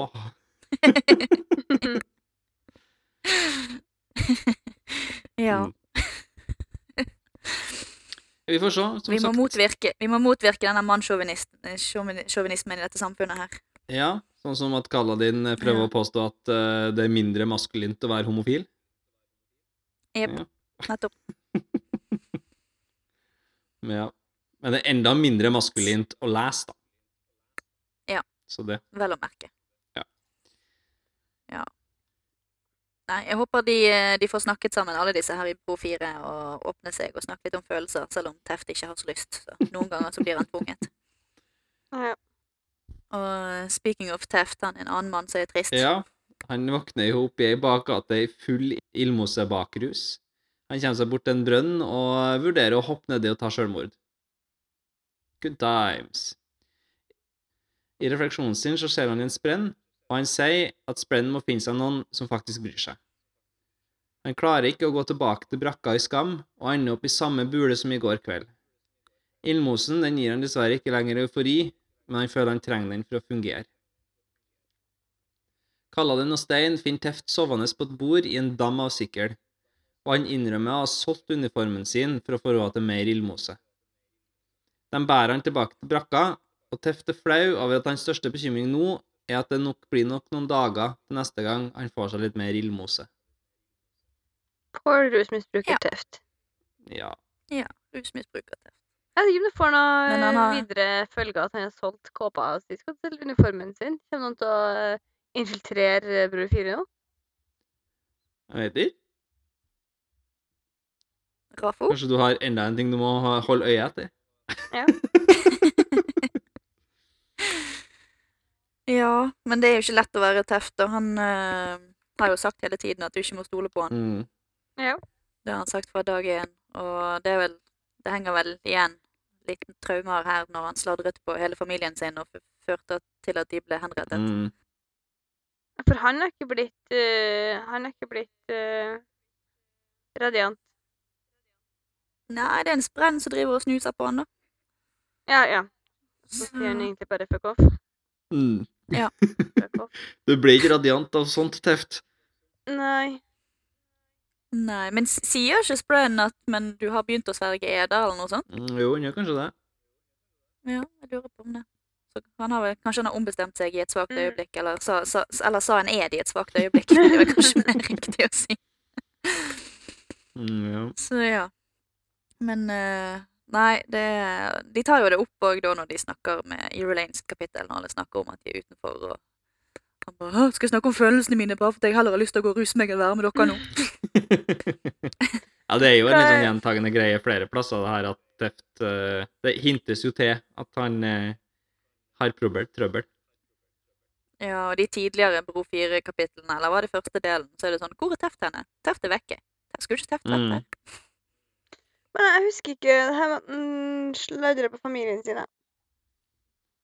Var det dem der sjølmordgreia, det? Ja, det var dem som drev og skada seg sjøl for å prøve å bli radiant, Ja. som funka Og nå begynner han å bli det som de trodde på, Mm. og han som han trodde var umulig, og så sladret han til myndighetene og fikk de myrdet, for de var ja, For han vet prøvde å ta livet det sitt. Ja, for det gir jo mening. Det er samme som at uh, i Bibelen det er selvmord det er Ja. forbudt. Og sånn, ja, hva er straffen for å prøve? Nei, det blir myrdet. Mm. Ja, fint. Win-win situation. Yes. Og så har Marit da fokusert på de viktige tingene, nå ser jeg. Det er en du som heter Torfinn. Tøft, kaller din. Torfinn. Renare Edlin tok inn. Kjøper det. jo da, jo da, ja. OK, så. Ja. Og jeg som bare har lest uh, Oathbringer gjennom uh, lydbok, var jo superglad når det var en uh, common radiant som heter Linn, og så staves det feil. Åh. Men fun fact, hun er visst oppkalt etter en fan. Mm. Ja. Ja. Masse av disse her sidekarakterene er opp oppkalt etter uh, venner og sånn. Av Brandon og ja. Hans venner Relaine. Ja, jeg vet ikke om Relaine helt er det. ikke med så få vokaler, kanskje. Rulaine is a Polish Mm. housekeeper. Jeg vet ikke. kunne vært Torfinn, da. Ja. Ja. Skal vi ta Skar, da? Ja. Han er en av de siste som ikke har fått til å puste inn stormlys. Så derfor så løper han kappløp mot de som har lært seg å puste inn stormlys, som en eh, grunntest. Eller hva heter det? Baseline. Baseline. Mm. Og da løper de eh, opp til portalene ved, ved Uretiru. Han er bekymret for at han blir nødt til å være kokk med stein og ikke får slåss med spyd lenger, til tross for at alle de andre er oppmuntrende og betrygger han. Kaladin kommer med flere nye rekrutter, og blant de òg noen kvinner. Ute på de knuste slettene ser Skar at Linn, en av de tidligere speiderne, òg er frustrert, og de slår av en prat. Skar hjelper hun å forstå at man må ikke prøve for hardt, og at det holder ikke å ville fly, men man må òg ha et ønske om å beskytte. Lynn klarer til slutt å puste inn stormlys, og sjøl Skar klarer å bli glad på hennes vegne. Han forteller Stein at han er klar for å være en del av kokkelaget, men Stein ler, for nå skal òg begynt Boop! gløde. Whoop. bare getting lit. Yes, he's getting lit. Getting all fired up. Jeg syns jo det er ganske trivelig, da, for han er litt sånn lei seg og, og trist og føler litt sånn skam og, og sånn, og så får han det til slutt, og så blir det veldig good times. Good feelings. Ja, jeg tar tilbake det jeg sa om at uh, det var godt å slippe Kaladin sitt depressive tankesett, for alle andre her er jo like depressive. Ja, minst. Det var litt slitsomt kapittel. Ja. Ja. Men det, han får det til til slutt, så da Alle mann er glad. Mm -mm. Og, Men han, er jo, han er jo Hans måte å beskytte og hjelpe på er jo tydeligvis å være pedagog og lærer, da. Ja. Fordi det er jo når han får til å Eller når han finner gleden i det at ja, ja, nei, men det kan jo hende at jeg kan være en guide da, for å hjelpe andre, så eh, får han det, han òg. Slutt Ja. å prøve så hardt. Mm. Følge Så sine egne råd. Ja. Mm. ja, følge følger sine egne råd. Det var En som da ikke har helt uh, kanskje fulgt sine egne råd, eller fulgt kanskje sine egne råd litt for nøye, er jo Moash. Ja. Han uh, har jo flere kapittel her, ganske mange egentlig. Ja. Med mye som skjer. Det hele starter jo med at han uh, sitter og spiser ei gryte som på ingen måte kan sammenligne seg med det Stein lager, og han hører på at Graves og Febbers God knows. Fibrotte Navn. eh, krangler om hvilken retning de skal dra videre. Han tenker på Bro 4 og hva de gjør, og hva, hva Kaladin har fortalt dem. Han angrer på det han har gjort, og han vurderer selvmord. Men før han får tenkt ferdig, blir leiren angrepet av flygende sammenføyde. Moash klarer å ta livet av en av dem ved å slåss på den samme måten som han gjorde mot Kaladin, og de tre gjenværende blir såpass imponert at de lar han leve så lenge han gir fra seg shardsverdet. Voidbringeren tar med seg Moars til Revolar, der blir mennesker behandla som slaver og får kun mat hvis de arbeider for Pashendian. Han finner karavanefolket og en gammel kjenning fra sine dager i yrket. Han blir tatt med inn til en lysherre som også har klart å skaffe seg luksus sjøl om han er slave, og Moars blir lamslått av at hierarkiet er vedlikeholdt tross. Seinere trekker Moars vogner på vei mot Kolinor sammen med hundrevis av andre slaver, en jobb som han syntes likevel er enklere enn det var å bære broa. Han begynner å bli apatisk, og han føler at menneskene ikke fortjener å styre, og han er imponert over rettferdigheten han ser i Pasjendi-hærens oppførsel mot slavene, men med unntak av en stakkars gruppe Pasjendi-slaver, som piskes og holdes unna de andre. Under en vanningspause så får Moash vite at de er forrædere, og de skjulte en falsk gud blant seg. Etter pausen så har Moash fått nok, og han hjuler opp en slavedriver og tar plassen til en av de utslitte Pasjendi-slavene. Det viser seg at disse Pasjendi-slavene Moash har hjulpet, er gjengen som reiste med Kaladin. Hæren samler seg i byen nærmest Kolinar, og når Moash får beskjed om at deres neste oppgave er å lage stiger som de skal bruke for å storme byens murer, begynner Moash å le av ironien i det hele. Back where we all started. yes. Mens de arbeider på stigene, føler Moash med Sa og Ken og deres frustrasjon over behandlingen deres guder gir dem. Moash vandrer inn i byen og krever å få snakke med noen i ledelsen, og blir sendt opp i luften for en audiens med Leshvi. Skal du ikke ha med min OK, Karen? Jeg hoppet fint over den. Thank you very much.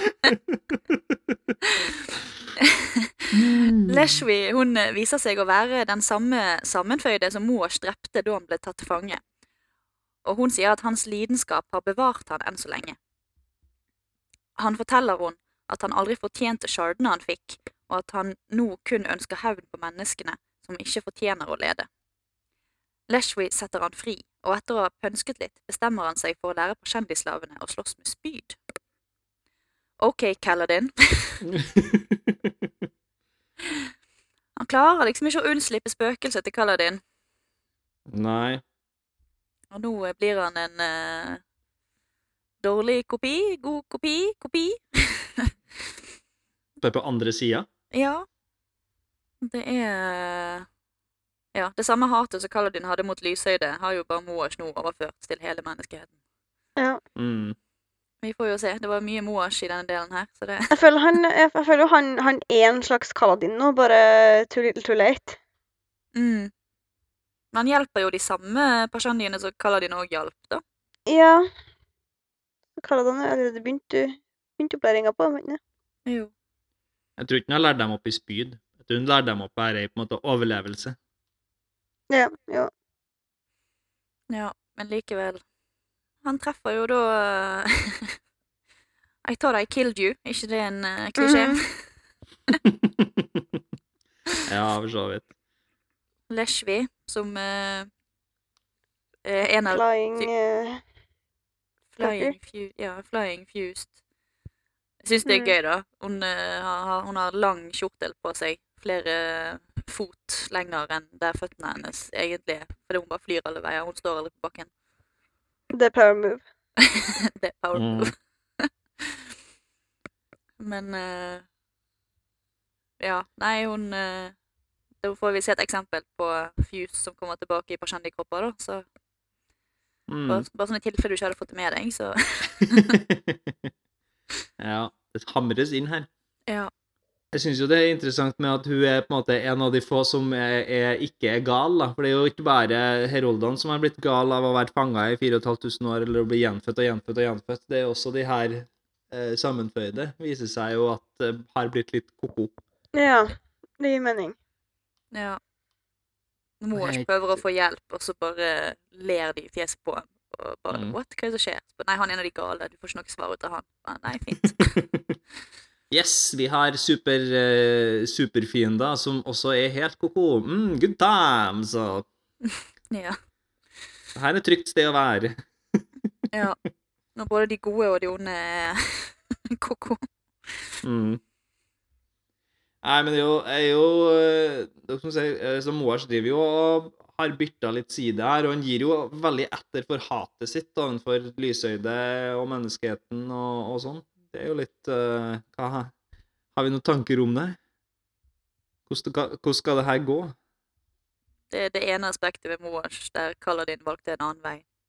Ja. For Mors har gitt etter for hatet, og Kaladin på en måte valgt å tilgi. Mm. Mm. Ja. Antikaladin. Anti-Kaladin. Anti-Kaladin. Han er jo good guy nå, da. Han hjelper jo det her personlige teamet og bygger jo litt team og Ja. ja, det er sånn- kanskje ikke, det er kanskje ikke rent uh, at Pashendian er ondskapsfull. Det er kanskje ikke det. Nei, virker jo ikke som at uh, Sa og Ken er spesielt ondskapsfulle. Sa er jo bare kjempelei seg for at de har tatt fra han datteren sin. Mm. Så de er jo ikke akkurat noe snillere med de enn uh, enn det menneskene var. Nei, det er sant. Jeg syns jo det med Det er jo uh, også litt sånn Kall det ondskapsfullt, men, men uh, kynisk kanskje mest, da. De sammenføyde velger å sende alle flyktningene som er for svake til å være med og storme muren med stiger. De sender dem til byen for å oversvømme byen med på en måte fattige, svake flyktninger. Ja. Det er, eh, det, det, det er ikke dumt i krigssammenheng, men det er jævla kynisk. ja. Men det er jo ikke første gang vi har hørt om det der, er det? Jeg føler vi har Det kan hende du har hørt, hørt om sånt i jeg si, vår historie òg. Ja, det kan være en annen plass. Jeg føler Ja. at her med å slippe gjennom de svake har vært en greie før, men eh, det er ikke sikkert eh, Det kan hende jeg tenker på noe helt annet. Nei, Mistborn. I Mistborn så lar de flyktningene fra rundt Å, herregud, hva heter byen? Lutadel? Ja. De eh, hærene rundt Lutadel som omringer byen i bok to, slipper flyktningene som kommer fra rundt byen, inn. For å overvelde ressursene til, uh, til byen. Mm. Så du har hørt om det før, ja. Det er en established Brandon, Brandon, Brandon move. Ikke putt Brandon i ledelsen av en hær. Anyway. Nei. Er det noen som vil snakke om at Moore hører stemmer? For det har ikke jeg fått med meg. Uh, ja, nei, det var bare en sånn 'something deep within him whispered' eh, kommentar på et tidspunkt, og så Hmm. føles det for meg så veldig sånn um, at uh, Jeg føler at du, du skal liksom bare være en indre stemme, men, men uh, i Mistborn så var det jo alltid sånn som det her, og så var det jo faktisk Ruin som snakka til deg. Det er Så sant. Ja, men du, sant. er du suss på Moars? Nei, jeg vet ikke, jeg, da. Fikk du kaste ut noe?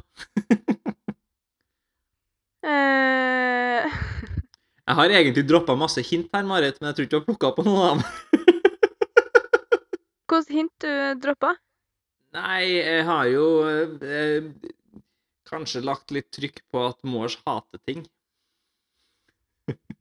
Ja, OK. Så han uh, påvirka odium. Jeg sier ikke nei. Jeg sier ikke ja. Hater ting med lidenskap. Han er jo veldig lidenskapelig og eh, har um, både Altså, og, og Leshvi sier vel han det er lidenskapen hans som har berga han. Ja. Så ja, nei, nei, vi um, Vi får vente og se. Read and find out. Jeg har, Mm. ikke- jeg har ikke noen sånn eh, god tanke om hvorfor. Nei. Nei. Men er jo, han, han er jo litt anti-Kaladin, som dere sier, og det kan jo være at uh, At uh, det kan være nyttig for, for enkelte som har litt mer ondskapsfulle navn enn Mm. andre. Ja, de som er an anti-ære. Ja. Ja. Nei da, vi trenger ikke å droppe noe mer. Vi, skal nå vel, vi får lese videre og finne ut av det. Å Ja. nei, det må være som kjente å være hans uh, champion. Får se. Kanskje, kanskje ikke. Who knows? Les videre. Det føles ut som noe vi kunne slå. Ja. Ja. Men det er egentlig gjennom, da. Vi mangler bare epigrafene. Mm. Da er det bare det før vi kan se oss ferdig med delen. Ja. De eh, tre brevene som epigrafene er. Mhm. Første brevet til Sefandrius. Han blir anklaga for å bryte seg inn på avsenderens land. Fandrus får beskjed om å ikke bekymre seg for Racy og si at det er leit med Aona og Sky, men at de uansett har brutt pakten fra starten av. Sefandrus bare en mann ettersom han fornekta å bli noe mer, og snudd ryggen til guddommeligheten. Likevel er hans ferdigheter imponerende, sier avsender. Avsender er også irritert på at eh, så mange av shardsene etablerte seg på de samme stedene, ettersom avtalen var at ingen skulle gjøre det. Ingenting godt kommer av to etablerte shards på samme sted. Likevel skjønte avsender at Uli da kom til å bli et problem fra starten av, og det virker nå som om hun er forsvunnet. Det sies også at dersom Racy blir et problem, så vil han bli tatt hånd om, og det vil Sefandrus bli òg. Og så er Uli da hun, men eh, jeg er litt usikker på kjønn her, så Jeg tror det stemmer. Litt Ja. usikker. Ja. Ehm, hvem tror vi Sefandrius er? Hvem er det som ofte sender brev i interludesene? Oid. Det her er jo et svar på noe brev vi har sett tidligere, mener jeg. Ja. Nei, det er Er det det? Er det det? Jo. Jo, jeg tror det. Aona høres ut som noen fra Elantris. Ja, du har jo Aeons og Skazy der, nå. Så at uh, Aona og Mm. Sky er nok antageligvis uh, Devotion and Dominion. Ja. Og Race er jo uh, Har vi lært det, Linn? Eh, Ja. Ja, det går fint. I, ja, jeg tror det. Ja. Ja. For Race er jo hat, eller odium. Dette er jo Vessel-navnene. How do we know this? Fordi Mm. man har skjønt det gjennom eh, Race har vi blitt fortalt, mener jeg. Ja, jeg mener det. Eh, og Eona og Sky eh, mener jeg er nevnt Så er her er noen som bare kan i knerte odium, virker det som. I hvert fall så Mm. mener de at de kan ta hånd om den. Ja. Jeg vet ikke hvem Sefandrus, jeg vet ikke hvem det. Sefandrus er Hoid. Ja.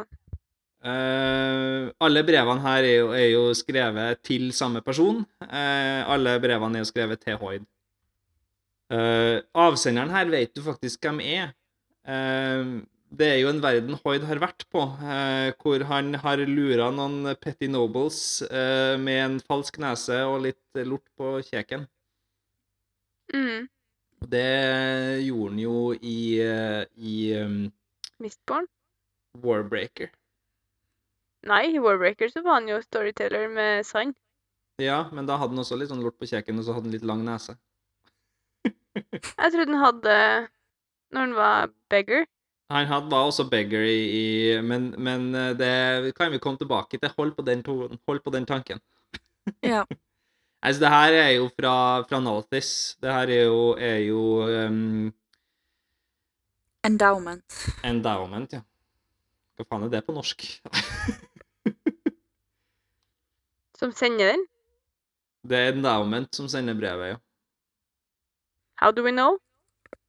Folk. Vi- Vi, ja, det, det er jo tatt litt basert på Petty Noble, uh, som han har lurt uh, og falsk nese. Jeg lurer på om at det er et eller annet med nesen hans i, i Warbreak, men jeg er litt usikker.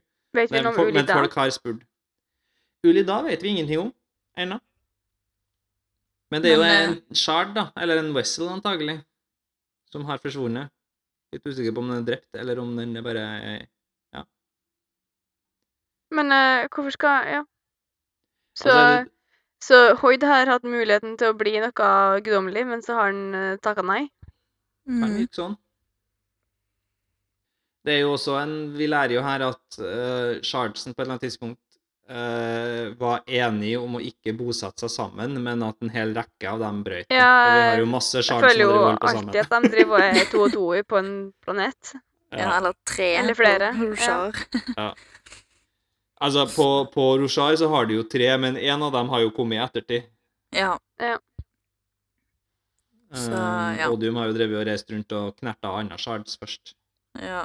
Og jeg synes det, Endowment virker ikke veldig empatisk når det er sånn Ja, det var trist at Iona og Sky uh, Vi har jo fått vite eh, i uh, Når vi leste om uh, The Sellish System, mener jeg, at de er døde.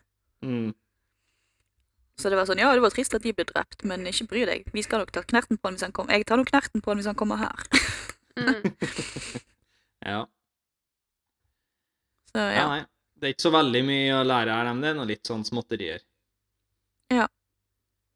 Det må jo være et brev i en av bøkene, så det, eller i hver av bøkene. Så. Ja. Her er det jo masse brev. Ja. Det andre brevet er også til Stefandrus, da, som vi har sagt. Eh, her blir den titulert 'bæreren av den første edelstenen'. Ja. Som eh, Ja, vet ikke hva det betyr. Vi vet ikke helt. Kanskje vi får lære det en gang i framtida. Eh, han burde ha visst bedre enn å ta kontakt med basis i gamle kjennskap, og at den han har kontakta, kan ikke svare. Avsenderen skriver at de har tatt til seg kommunikasjonen som de har mottatt, men ikke kan forstå hvordan de har funnet dem på denne verdenen, da de har gjemt seg veldig godt, og lurer på om han, om han forventa noe annet fra dem. De bryr seg ingenting om fengselet til Race, og trenger ikke å tenke på innvirkning fra andre. Hvis Stefandrus hadde kommet til en av de andre, så hadde han kanskje fått, mer, fått et annet svar, men det får han ikke nå. De gir beskjed om at han ikke skal returnere til Odrobai, og at avataren de har manifestert der, nå har blitt fostra opp til å hate den inderlig. Han er likevel invitert til å overkomme farvannene der avsenderen er, og dets prøvelser for å prøve å vinne deres respekt. Ja, Dette var bare masse mysterier. Odrobai. Makes no fucking sense, men det er greit. Farvann. Obrodai vet ikke hvor er, eh, men et farvann med masse prøvelser, det kan vi komme tilbake til en gang i fremtiden. Yeah. A big heap of uh, foreshadowing der, før vi går Ja. videre til uh, det siste brevet, for det har en litt annen tone. Avsenderen han kaller mottakeren for venn. Avsender er særdeles fascinert og overrasket av brevet de har mottatt, noe de ikke trodde kunne bli i sin nye posisjon som guddommelig. Hen tror seg sjøl den minst kapable til å hjelpe mottakeren, da krefter hen holder er i så stor konflikt at sjøl den minste handling kan være vanskelig. Hen forstår heller ikke hvorfor mottakeren har gjemt seg og ikke gjort seg til kjenne, og heller ikke hvordan mottaker kan gjemme seg for hen og, vet så mye om Adonalsium. Hen forespør mer åpen ærlighet, og at mottaker kan komme tilbake til hens land og snakke med hens undershotter for å finne ut hvordan hen kan hjelpe mottakeren. Hvor skriver man undersåtter? Uten J. Og med Å. Det var, en, det, det var et trøndersk eh, Det var en trøndersk brainfart. Jeg lurer på, jeg har vært innom der, men det der er jo undersåtter. Ja, det er sånn det staves. Undersåtter. Ja, Ja. greit. Ja, nei, det var en liten sånn Jeg klarte ikke å skrive det der riktig, så da ble det sånn. Og så fikk vi den bergenske til å lese det. Det er jo veldig bra. ja. Men ja, jeg føler eh, ny gud med motstridende krefter. Disharmony. Disharmony. Det har du helt rett i. Ja, han sa vel 'I think' et par ganger i brevet og litt sånn, jo skjønner. Say said baby. Say said. Mm -mm. Ja. Det er det. Eh, det er jo tydelig at eh, Hoid kan drive og hoppe mellom planetene og gjemme seg for eh, noen, altså Harmony, eller Stacey, men ikke gjemme seg for Endowment, da. Men Endowment har litt lengre erfaring på å spotte sånne. Ja. Ja, virker som hun kjenner uh, Hoid, kanskje? Mm, fra før av, ja. Mm. Ja, men jeg skjønner ikke at eh, endowment skal være så overpowered at hun bare kan eh, deale med odium. Det Kan jo være hun òg er litt høy på seg sjøl, da. Hun er jo eh, massively endowed. Ja. I see what you did there. Men ja, så jeg tror hun er bare relativt høy på seg sjøl. Og så De mener jo at, eh, at race eh, slash hat er fanget på Roshar. Så er det sånn, ja ja, men først må han komme seg ut derfra, og så kan vi se hva som skjer når han kommer seg ut. Mm. Ja. Så Ja. Men det er sånn Say-Said bare Hvorfor har ikke du sagt hei? Stacey er jo litt, uh, litt naiv, kanskje, i det hele. ja. Fremdeles. Ikke sikkert den kjenner sin rolle ennå. Nei. Men det er klart, alle de andre har jo hatt ganske mange tusen år på å, å bli påvirka av eh, kreftene sine og sånne ting, sånn at uh, han er jo også i veldig sånn gridlock imellom bevarelse og ødeleggelse, så han er nok kanskje også mindre påvirka av det, da, sånn sett. Mm. Ja. Uh, men det er jo, ja, nei, det er noe med tida, tror jeg. De er jo, vi har jo lært at de er jo på en måte mennesker, eller iallfall dødelige i utgangspunktet, altså sånn som Seised. Mm. Eh, og når de her eh, sammenføyde og heroldene blir gal etter noen få tusen år, så tenkte jeg hva som skjer hvis du har vært Gud eh, ganske mange tusen år. Mm. Eh, Ja, og Hoyd har vel snakket tidligere om at uh, I et tidligere brev, tror jeg, at uh, Race var jo ikke sånn som Nei, unnskyld. eh, ruin. At Ati var Ati, ikke ja. sånn som, uh, som Ruin til å begynne med, men at han Nei. ble mer og mer Ruin da, etter hvert. Men hva med Hoid, da, som tydeligvis er like gammel som dem, og ikke Gud engang? han, har, han må ha noen triks oppi ermet. Mm. Han bare ville ikke. Nei? Nei, jeg vet ikke. Hoid er jo en uh, rar en. Mm. Ja. Mer funny business med Hoid. Vi får jo håpe at han får uh, ta en, eh, en kaffe, kaffe med Seised på et tidspunkt, da. Ja. ja. litt glad. Det skjer sikkert i del tre av Outbringer, tenker jeg. Men det må vi lese og finne ut av til neste episode. Woo! Med litt interludes først, da. Ja. Litt interludes først. Hva er vi skal lese om i interludesen, for å tease det litt? Først så skal vi lese litt om Kaza. Aldri hørt om før. Og så skal vi lese litt mer om Taravangian. Uh, Det kan jo bli eh, nysgjerrig. Litt mer diagrammet. Og så er det en liten bit av vennlig. da ses vi med Casa, Taravangian og Vennlig neste gang. Det gjør vi. Ha det! Ha det bra. Ha det!